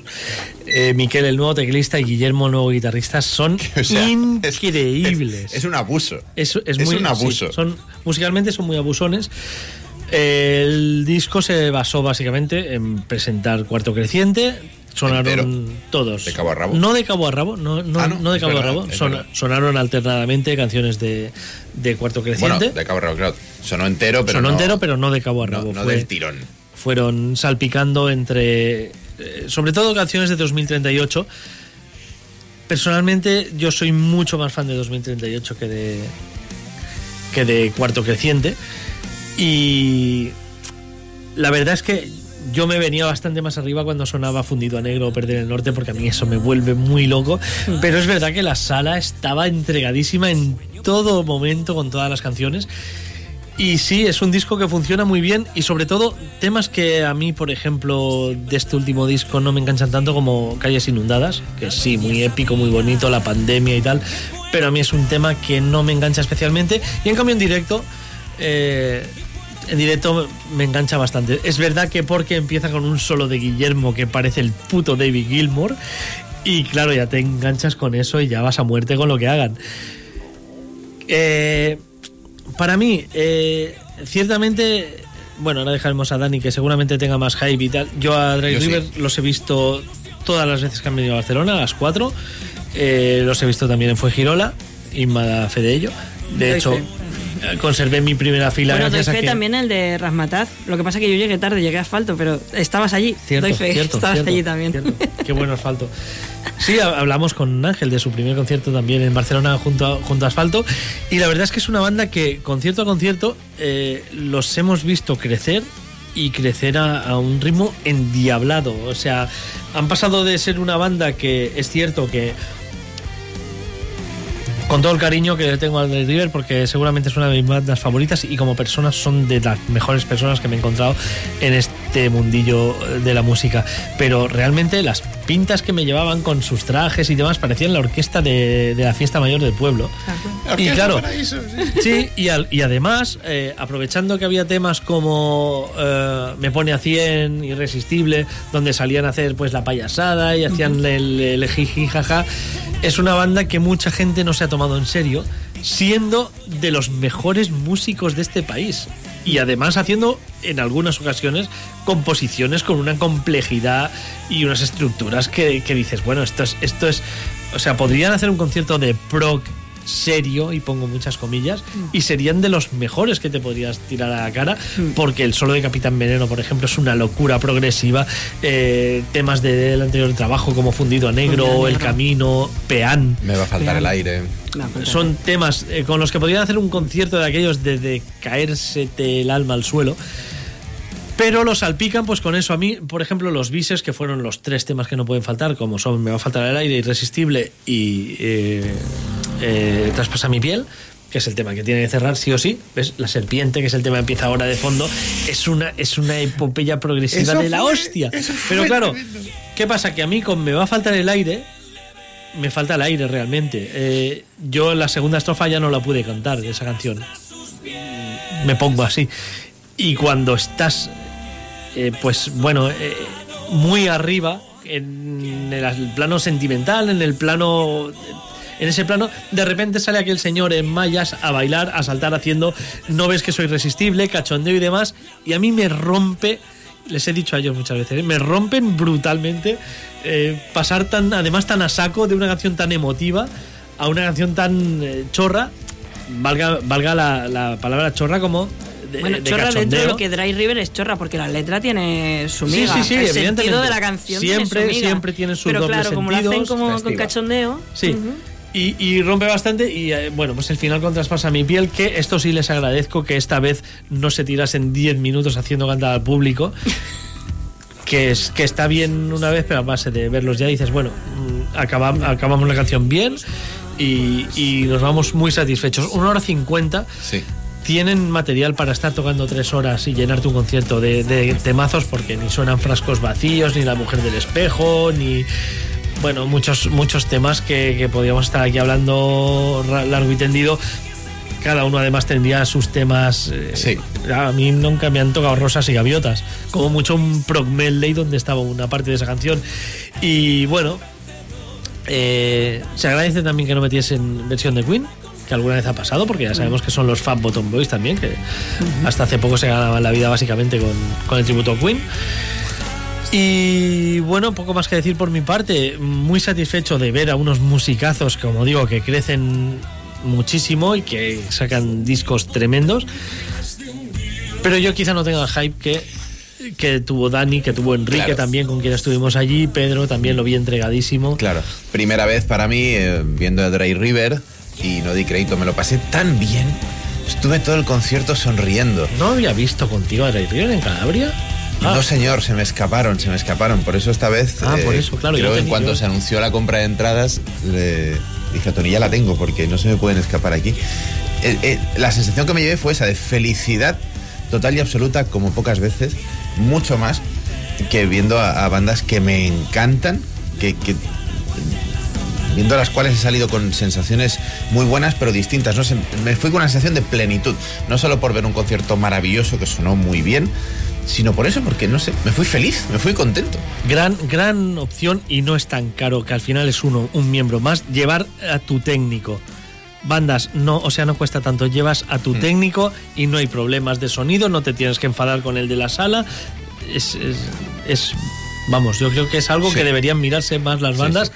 más que mirarse que se miran como comprar una pedalera de la hostia o verdad. lleva un técnico que sepa sonorizarte, porque de River lo llevan y, Y sonó realmente muy bien.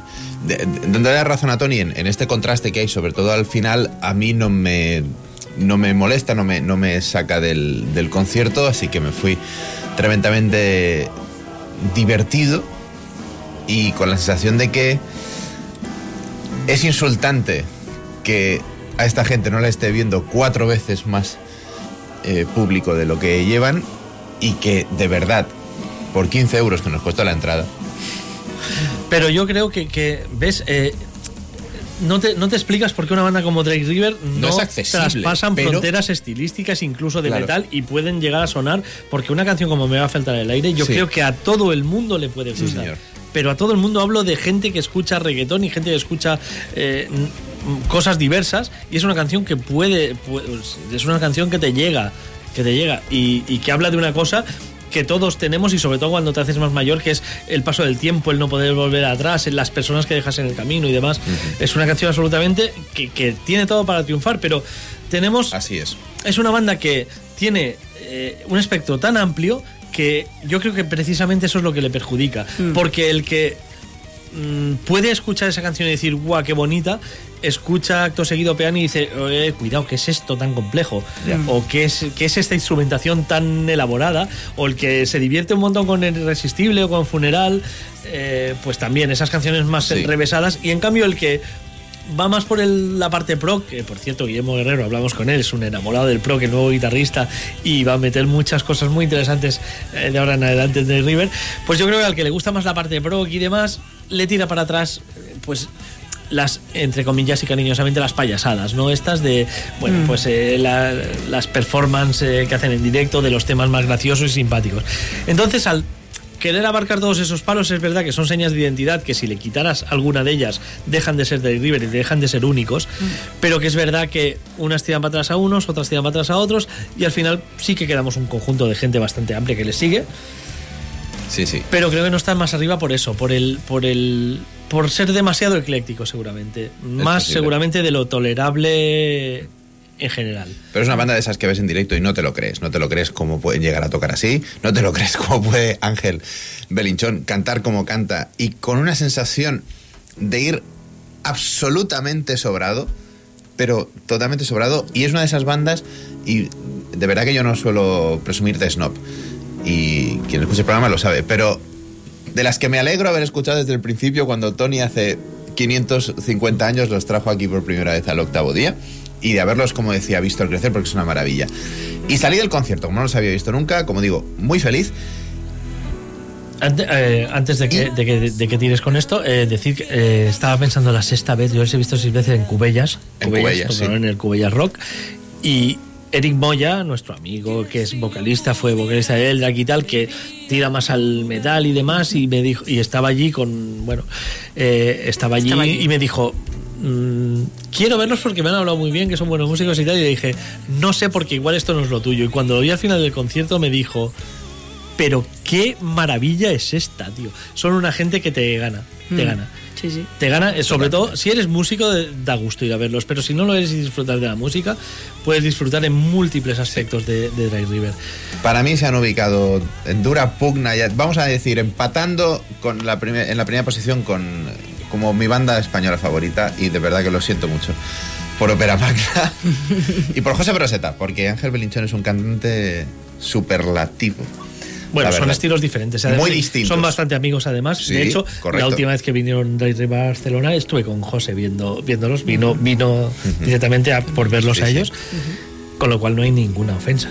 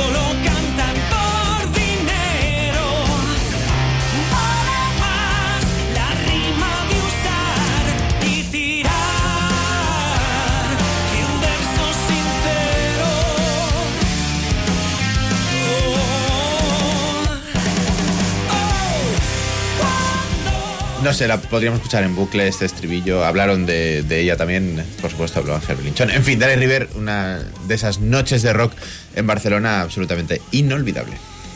Pues ya que habéis hablado de conciertos pasados, vamos a los futuros con una mini breve y súper rápida crónica, ay, perdón, agenda de conciertos. No está actualizada, así que solo 15 días, que esos seguros que están actualizados. Muy bien.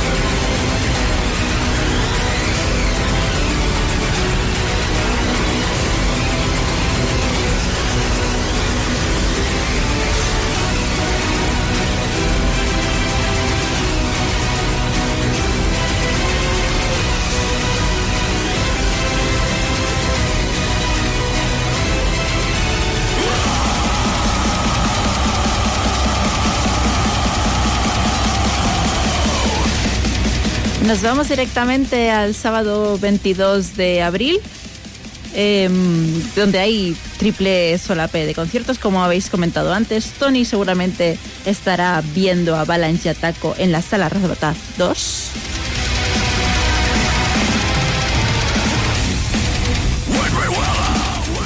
Otra opción es ir a ver Eudol, Santa Creu y Bóveda del Sol en la sala Upload.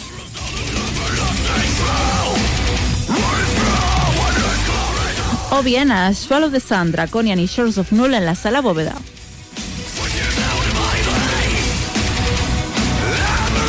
Seguimos con el miércoles 26 de abril. Por un lado, porque también hay solape, por un lado Skullfist y Screamer en la sala Wolf de Barcelona. O bien Jelusic en la sala Razmataz 3. El jueves 27 sigue de pie el concierto de Conception después de varios aplazamientos en la sala Salamandra.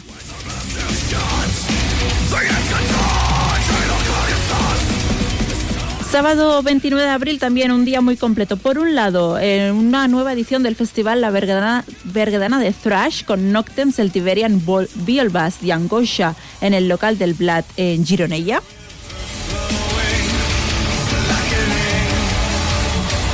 Otra opción es ir a la sala Razmataz para disfrutar de Overkill, Exorder y Hitten. O bien, la sala bóveda estarán actuando Evadne, Hellebor y Perpetual Night.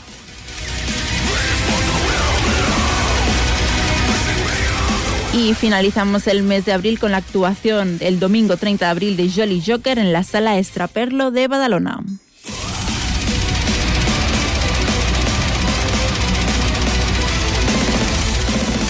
Ya sabéis que esta agenda de conciertos la podéis tener en vuestro propio Google Calendar móvil a la mano de todo el mundo, que tan solo en, los enlaces que hay de las distintas redes del octavo día hay un apartado que pone agenda de conciertos. Le clicas y te se sincroniza con tu Google Calendar. Así puedes estar al día de todos los conciertos que haya en Barcelona y alrededores.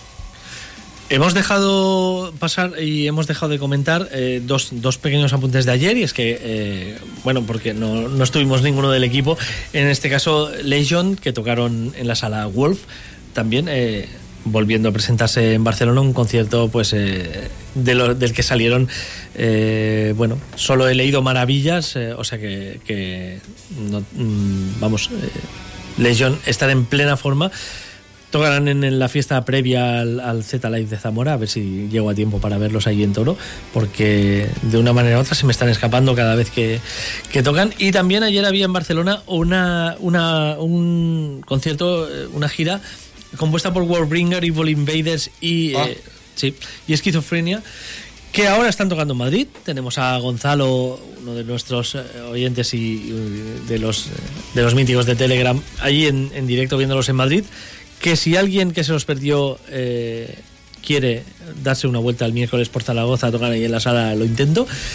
Y es que la versión oficial es que el bus de giras se estropeó y no llegaba a tiempo el recambio para hacer la fecha de Barcelona, así que directamente llegó el recambio y se fueron a Madrid.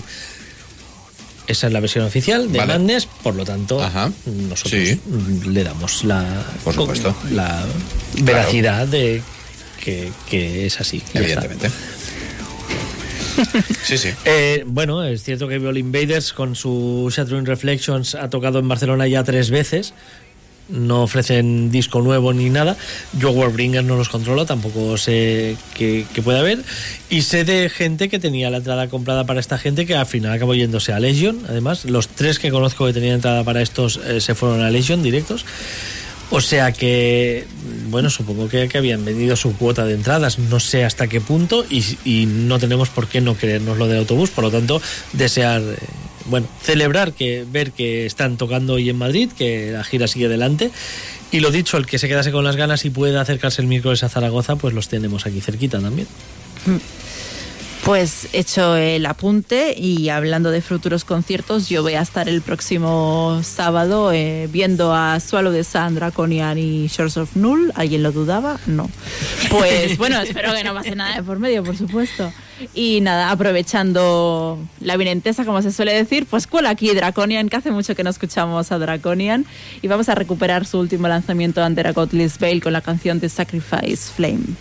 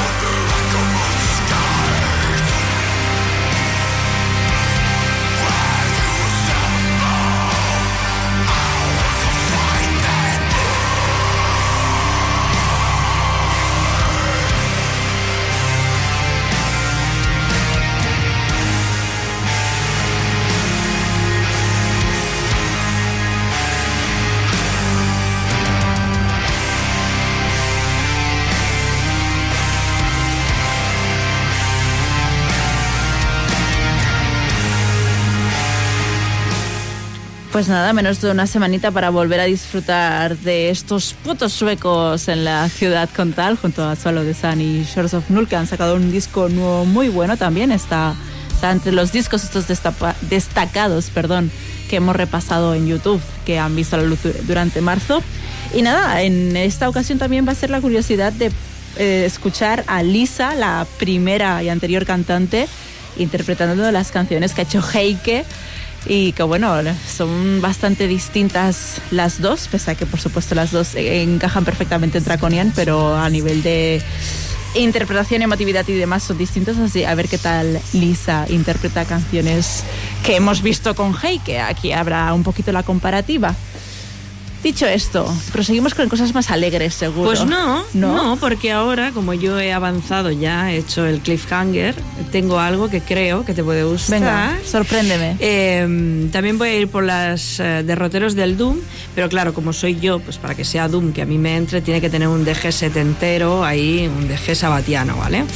Eh, en este caso es una banda de Bradford, UK, formada a principios de 2020, pero que tiene a gente que ya mm, trabajaba el tema, que estaban en bandas como, que yo no conozco ninguna, evidentemente, pero que seguramente hay mucha gente en el chat y aquí en el programa que conocerá, como Iron Rat, Solstice, Slayer, Monolith Cult, Lazarus, Black Star, Chorus of Ruin y Pig Witch. Bueno, pues esto se ve que se han juntado aquí unos cuantos chavales que ya se conocían de la escenita y han dicho vamos a hacer algo pero que sea intensito, intenso y bien oscuro. Y la verdad que eh, cogí el álbum con mucha alegría porque el principio es más eh, mi estilo, pero cada vez se va haciendo más aplastante, más doom y es que iba sintiendo como un peso ahí que me, me costaba acabar el disco en plan, joder, joder. Pero la verdad que es muy muy chulo, al final me ha gustado y, y no sé, creo que es bastante eh, atmosférico, eh, bastante épico. Bueno, me ha gustado mucho. Riff pesados, evidentemente, porque mm, es de donde venimos, pero mm, me ha gustado mucho y además que la voz tiene como un deje a lo Danzig en algunos momentos que bueno, por ahí también me, me compraron. Entonces, el disco se llama The Calling Quiet, que salió el 24 de febrero. Y bueno, la banda se llama Wolves in Winter. El tema que os pincho, The Chords That Ends the Pain.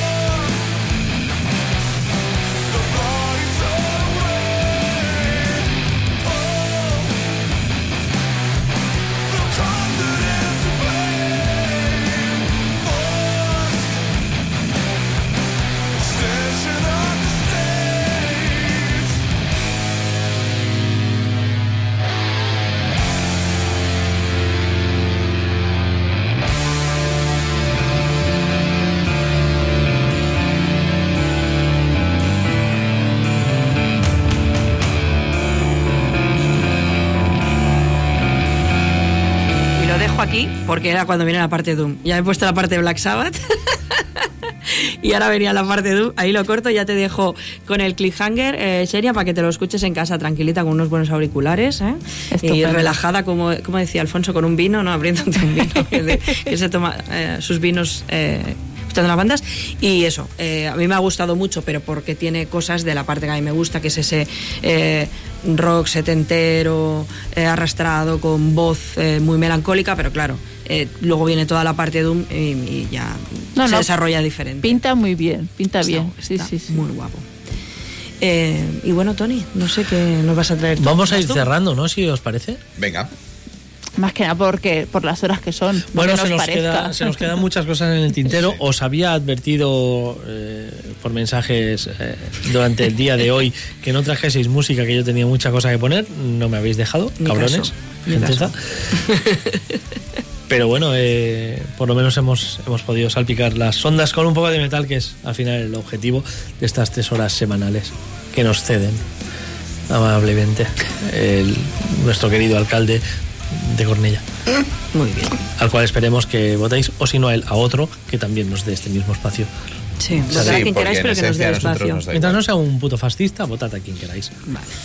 Cornellá Ya no mismo existe. son las ¿no? elecciones, ya mismo, ¿no? Sí, Nos El tira- 28 de mayo, que de joden- hecho 29 de no tenemos. Nos joden el programa por Nos las fastidian el Pues programa. por culo a Exacto. cualquiera de los 28 de mayo no, no hay programa de metal por culpa de. Nos presentamos a las elecciones, el octavo día. de- tu el partido del del metal. Claro. Sí, sí. Y ya está. Arreglamos a cosas. alcaldables y creo que estaríamos mejor. Da igual. Bueno, musiquilla. ¿Con Bueno, qué pues vamos a cerrar? nos Tony? vamos a despedir. eh, ya está bien. Ya está bien de la noche que, me lleváis. Nos vamos a despedir con uno de los grandísimos lanzamientos. También de. Yo empezaba mi andadura esta noche con Stormhaven, uno de los grandísimos lanzamientos de abril. Y voy a cerrar también por todo lo alto. Convendréis conmigo que a Ara eh, se han salido por todas partes. Eh, si Triada 1, que aparecía en 2021, era un discazo, Triada 2 aún lo superaba. Pero es que Triada 3, Nix, como subtítulo, eh, no sé si es por el subidón eh, último, pero creo que es hasta mejor. Eh, o sea, solo conocía una banda que habían hecho una trilogía superándose disco a disco, se llamaba Opera Magna, y ahora ya conozco a dos, junto a, a Ara. De esta tercera triada me quedo con uno de los cortes que os podría definir cuando me digáis, Tony, ¿a ti cómo te gusta el black metal? Moribunda. El tema que va a sonar de Ara y con el que nos despedimos hoy. Pues nada, muchas gracias por escucharnos. Ya sabéis que durante la semana estaremos en redes sociales. Y nada, hasta la próxima semana. Que vaya muy bien. Adiós. Adiós. Moribunda.